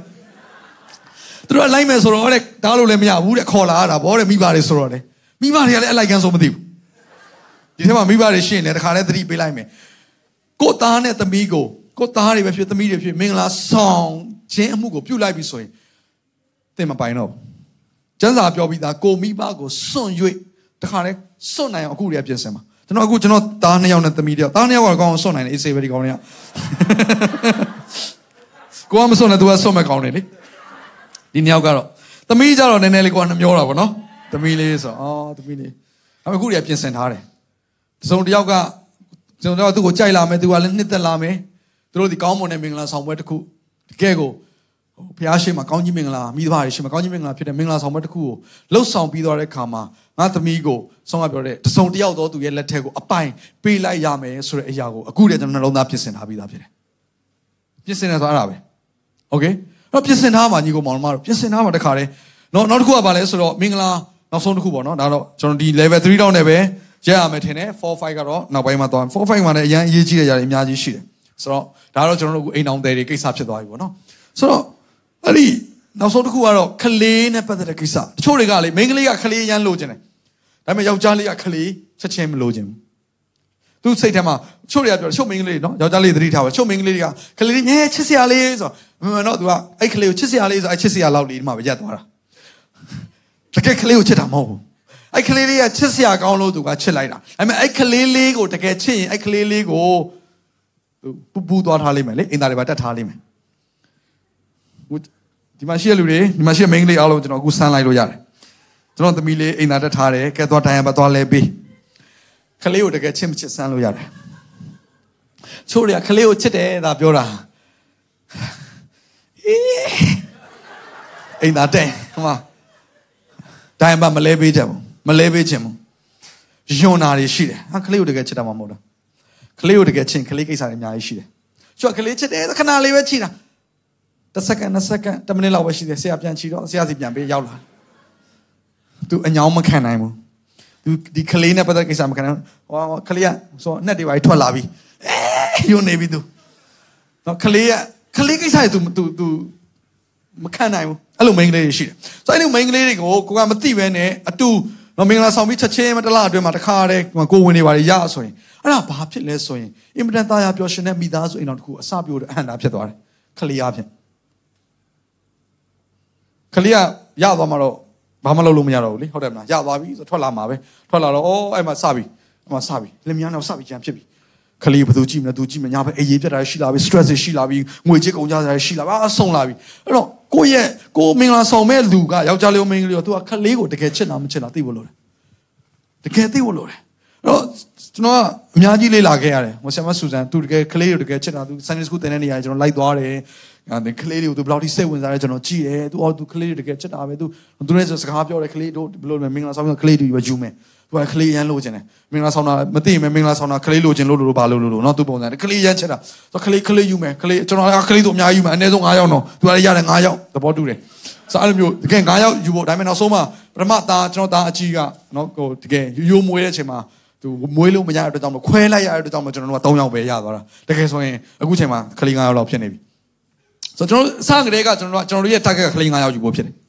ဆိုအဲ့လိုမျိုးအားလုံးကဘယ်အချိန်နဲ့ရဆိုမင်္ဂလာမဆောင်ခင်ကတည်းကဆိုတော့ဘာဖြစ်လဲဆိုတော့ mentally ကျွန်တော်လည်းစိတ်ပိုင်းဆိုင်ရာကြိုတင်ပြင်ဆင်ထားပြီးသားဖြစ်တယ်ဝိညာဉ်ပိုင်းဆိုင်ရာကလေးတွေရလာတဲ့အချိန်ကျရင်ငါတို့ဘယ်လိုပြုစုမလဲမင်္ဂလာစဆောင်ကလေးတွေကလေးကိုဝင်ရှိပြီဆိုကြတဲ့ကကိုဝင်ပေါ်မှာနော်ဒီဘိုက်ပေါ်မှာလက်တင်ပြီးဘယ်လိုဆူတောင်းမလဲကောင်းကြီးမင်္ဂလာလေးကိုဘယ်လိုဘယ်လိုနှုတ်ကပတ်တော်လေးကိုဘယ်လိုကြီးညာမလဲအရာအားလုံးကျွန်တော်တို့ကကြိုတင်ပြီးတော့စဉ်းစားထားပြီးသားဖြစ်တယ်စဉ်းစဉ်ထားပြီးသားဖြစ်တယ်အဲ့ကလေးတွေငါတို့ငွေကြေးကိုဘယ်လိုသုံးမလဲ ဒီကလေးတွေကိုဝิญဉ်ရမှာဘယ်လိုပြုစုမလဲကျွန်တော်အကုန်လုံးစီစဉ်ထားပြီးသားဖြစ်တယ်ဆိုတော့ဒါမင်္ဂလာမဆောင်ခင်ပေါ့ဆိုတော့နောက်ပိုင်းအဆင့်၄နဲ့အဆင့်၅မှာတော့ကျွန်တော်တို့စီစစ်ထားတော်လည်းပဲအတွေ့အကြုံလည်းမရှိသလိုကိုယ့်ကိုပြောပြမဲ့လူတွေ mental လုံးမဲ့လူတွေမရှိတဲ့အတွက်ကြောင့်မလို့လစ်ဟာသွားတဲ့အရာတွေအများကြီးရှိတာအဲ့ဒါပါလဲဆိုရင်ဆိုတော့သားဆက်ချားတဲ့ဟာပေါ့နော်ကလေးဒီတယောက်ပြီးနောက်တယောက်ကိုဘယ်ချိန်မှယူတဲ့ဟာအားလုံးအဲ့ဒါအားလုံးကိုကျွန်တော်တို့ကမသိတဲ့အတွက်ကြောင့်မလို့ကျွန်တော်တို့ ကလေးပထမတစ်ယောက်ရပြီးပြီးချင်းမှာပဲဒန်နီယယ်စဒဲရစ်စပြီးမွေးလာတယ်အဲ့ဒဲရစ်ကိုကျွန်တော်တို့ကြည့်တဲ့အချိန်မှာကလေးနှစ်ယောက်ကိုကျွန်တော်မနိုင်တော့ဘူးတစ်ဖက်မှာအမှုဆောင်လုပ်ငန်းရှိတယ်အသင်းတော်အသစ်ဖြစ်တယ်တော့ကျွန်တော်လောက်ရတဲ့အလုပ်တွေအများကြီးဖြစ်တယ်တစ်ဖက်မှာငွေကြေးပိုင်းဆိုင်ရာဖိစီးမှုတွေရှိတယ်စင်မှာကလေးနှစ်ယောက်ကို raise လုပ်ရတယ်ဆိုအင်မတန်မှခက်တယ်ပတ်စံအရန်ကုန်တယ်ကလေးတယောက်နေမကောင်းဖြစ်လိုက်တာနဲ့နောက်တယောက်ကကူပြီးသားပဲနှစ်ယောက်လုံးနေမကောင်းဖြစ်တာနဲ့ပတ်စံရှိသမျှအကုန်ကုန်တာပဲ နော်စေကန်သွားရင်လည်း foreigner တယောက်ဖြစ်တဲ့ကြောင့်မလို့ပို့ပြီးတော့သူတို့ local ထက်ပို့ပြီးပတ်စံကုန်တယ်နော်ဆို Singaporean တွေထက်ပို့ပြီးပတ်စံ300ဆိုတော့ကိုကလာခရတဲ့ခါကျတော့ Singaporean တွေရလားဆိုမရဘူးကိုကသူတို့ထက်နည်းပြီးရတယ်ကုန်တာကြောင့်သူတို့ထက်ပိုကုန်တယ်ဆိုတော့ financial ဘိုင်းဆိုင်မှာဒုက္ခရောက်တာတွေအများကြီးရှိတယ်အဲ့တပြိုင်တည်းမှာကလေးနှစ်ယောက်ကိုကြည့်ရတယ်တစ်ဖက်မှာအမှုဆောင်လုပ်ငန်းတွေနဲ့ရှိတဲ့ခါမှာနောက်ဆုံးမှာအမှန်တမ်းပြောရရင်ဒန်နီယယ်တုန်းကတော့နိုင်ခဲ့ပြီမဲ့ဒဲရစ်ရောက်လာတဲ့ခါမှာကလေးတွေကိုနိုင်နိုင်နည်းနည်းမကင်တွယ်နိုင်တော့ဆိုတော့အဲ့လိုမျိုးနဲ့ နော်အခုဒါကြောင့်လည်းဆရာခဏပြောရစီဒဲရစ်ကိုကြည့်တဲ့ခါမှာအရန်ဆရာတို့လစ်ဟာမှုတွေအများကြီးဖြစ်သွားတယ်နောက်ဆုံးမှာအိမ်အကူခေါ်ရတယ်အိမ်ကူတွေကကိုစိတ်ကြိုက်မရဘူးအဲ့တော့ကလေးတွေကိုကိုပြုစုစေခြင်းတဲ့အတိုင်းသူတို့တွေကမလုပ်တတ်ဘူးဆိုတော့အဲ့ဒါအပြင်ပို့ပြီးတော့ကလေးတွေအတွက်ပို့ပြီးတော့ဘာဒန်တွေဖြစ်သွားတာမျိုးရှိတဲ့ခါမှာအဲ့စစ်နေကိုဆရာတို့အမားတွေညောင်များစွာကိုဖြတ်ပြီးတော့ကြော်ခဲ့ရတယ်။ကြောင့်မို့ကျွန်တော်ပြောမယ်အိမ်တော်တစ်ခုကိုတိဆောက်တယ်မိသားစုတစ်ခုကိုတိဆောက်တယ်ဆိုတာလွယ်ကူတဲ့ကိစ္စမဟုတ်ဘူး အင်မတန်မှခက်ခဲတဲ့ကိစ္စတစ်ခုဖြစ်တယ်အင်မတန်မှတာဝန်ကြီးတဲ့ကိစ္စတစ်ခုဖြစ်တယ်ဘုရားသခင်ကဘာတူလဲဆိုတာဘုရားသခင်မေတ္တာဘာလဲဆိုတာကိုဘုရားသခင်မိသားစုကဘာလဲဆိုတာကိုအိမ်တော်ကနေပေါ်ပြဖို့ရန်ဘုရားသခင်အမှုဆောင်လုပ်ငန်းကိုလုပ်ရတဲ့အရာတစ်ခုဖြစ်တဲ့ကြောင့်မလို့ကြိုတင်ပြင်ဆင်ခြင်းအရန်ရည်ကြီးတယ်။ကြောင့်ယောက်ျားလေးတွေအိမ်မက်တွေတိတ်မက်မနေနဲ့ဒီမင်းကလေးကိုငါကြိုက်တယ်ငါရီးစားစကားသွားပြောလိုက်မယ်။ तू ငါ့ကိုကြိုက်ရင်ဟာချက်ချင်းပဲငါတို့နော် तू ကြိုက်ရင်ပြီးသွားရင်ငါတို့မင်္ဂလာဆောင်ပြီးတော့ငါတို့တာယာပျော်ရွှင်တဲ့ဘဝကြီးကိုရမယ်။ဘယ်တော့မှမစင်စားနဲ့။ဘယ်တော့မှမစင်စားနဲ့။ အသေးချာစာရွက်ပေါ်မှာခြာရေးပါ။ကျွန်တော်ကခြာရေးခဲ့တဲ့စာရွက်ပေါ်မှာအဲ့ဒါလေးပြောခြင်းကျွန်တော်အမျိုးသမီးစူဇန်နာကျွန်တော်နဲ့မတွေ့ခင်ကတည်းကသူခြာရေးခဲ့တဲ့စာရွက်ပေါ်မှာကျွန်တော်ကျွန်တော်တို့ကြိုက်ပြီးသွားတဲ့အခါမှာ तू ရေးတဲ့စာရွက်ကျွန်တော်ပြတယ်ကျွန်တော်ရေးတဲ့စာရွက်သူ့ကိုပြတယ်။ငါဒီမိသားစုတွေငါသားတွေစဉ်းစားထားတယ်။ငါရဲ့ကလေးတွေငါတွေဒါတွေစဉ်းစားထားတယ်ငါရမယ်ငါရဲ့ဇနီးတဲ့တို့ငါဒါတွေဖြစ်စေခြင်းတယ် သူကလည်းသူ့ရဲ့ခင်မွန်းတဲ့ကိုဒါတွေဖြစ်စေခြင်းတယ်အားလုံးသူတို့ချရေးထားတယ်ကျွန်တော်နှစ်ယောက်တူစကားပြောကြတယ်ကျွန်တော်မကြိုက်တာတွေကျွန်တော်အကုန်လုံးနှစ်ယောက်သဘောတူပြီးပယ်တယ်ကျွန်တော်နှစ်သက်တဲ့ຢာတွေအားလုံးကျွန်တော်သဘောတူညီတယ်နှုတ်ကပတ်တော်နဲ့ကျွန်တော်ပြန်ပြီးချိန်တွက်တယ်ပြီးတော့အခုအခုလိုမျိုး10နှစ်တာကာလကျွန်တော်မင်္ဂလာသက်တမ်းကိုဖျက်ဆီးပြီးတဲ့အခါမှာတော့ကျွန်တော်တို့ mistake တွေအားလုံးကိုကျွန်တော်တို့ဖယ်ပြီးတော့နော်အမှားတွေကနေသင်ခန်းစာတွေယူပြီးတော့ကျွန်တော်တို့ကြိုတင်ပြီးစူးစမ်းပြီးတော့တယောက်တယောက်နော် အာ romantic ဖြစ်အောင်ပေါ့နော်ပြင်ဆင်တာရှိတယ်နှစ်ယောက်ခီးအတူထွက်ရမယ့်ຢာရှိတယ်အခုဆိုရင်ကျွန်တော်အော်တိုဘာလဆိုရင်ကျွန်တော်တို့10နှစ်ပြည့်မင်္ဂလာပွဲဟို anniversary ဖြစ်တယ်အခုတည်းကကျွန်တော်စပြင်နေပြီကျွန်တော်တို့အဲ့ချိန်ကျရင်ဘာတွေလုပ်မလဲအခုတည်းကကျွန်တော်စပြီးပတ်စံစုတယ်သူသူလည်းအဲ့လိုပဲစုစပြီးတော့ပတ်စံစုတယ်ဘာတော့လဲ10နှစ်ပြည့်အတွက်ဟာဘာဖြစ်လဲ10နှစ်ပြည့်10နှစ်ဆိုတာ10နှစ်ပဲပြီးရင်7နှစ်ရောက်သွားမှာပြောစရာရှိတယ်မဟုတ်ဘူးကျွန်တော်တာယာပျော်ရွှင်တဲ့မိသားစုအိမ်တော်တခုတိဆောက်ဖို့အတွက်ဒါဟာအဝေးကြီးပြရမခီးလန်းဖြစ်တဲ့ကြောင့်ကျွန်တော်တို့ပြင်ဆင်နေတော့မှာပဲ တော့ဒီမှာရှိတဲ့လူငယ်တွေကအခုကျွန်တော်တို့မှမင်္ဂလာဆောင်ပြီးတဲ့လူတယောက်ကပြင်ဆင်နေဆိုရင်ဒီမှာရှိတဲ့လူတွေအားလုံးကအများကြီးကြိုပြီးပြင်ဆင်ကြအကြောင်းရှိတယ်အာမင်ဒီအစီအစဉ်လေးအပြင်တင်းရဲ့အသက်တာမှာကောင်းကြီးဖြစ်မယ်ဆိုတာကိုကျွန်တော်ယုံကြည်ပါတယ်ဗီဒီယိုကြည့်ပြီးခံယူလို့သူများအတွက်အပတ်စဉ်တရားဟောခြင်းများ Bible Study ကြီးမွန်ကိုယ်ွယ်ခြင်းနဲ့အခြားသောအကြောင်းအရာတွေဟာတင်းအတွက်အဆင်သင့်ရှိနေပါတယ် YouTube မှာ The City Space TV လို့ရိုက်ထည့်လိုက်တဲ့အခါ ကျွန်တော်တို့ကိုတွေ့ရှိမှာဖြစ်ပါတယ် subscribe လုပ်ခြင်းအပြင်သင်တဲ့ထက်ချက်မကွာအမြင်ရှိနေပါပါဒါအပြင် Facebook မှာလည်း The City ရန်ကုန်လို့ရိုက်ထည့်လိုက်တဲ့အခါတည်င်းအချက်အလက်နဲ့ poster တွေကိုအချိန်နဲ့တပြေးညီတွေ့ရှိအောင်မှာဖြစ်ပါတယ်ခင်ဗျာ The City Podcast ကိုနားထောင်သူတိုင်းဖျားသခင်ရဲ့ထူကြသောဖွင့်ပြချက်နဲ့ကောင်းကြီးမင်္ဂလာများခံစားမိကြောင်းကျွန်တော်ဆုတောင်းရင်ဒီ season လေးကိုဒီမှာပဲညှိနှိုင်းပါရစေခင်ဗျာ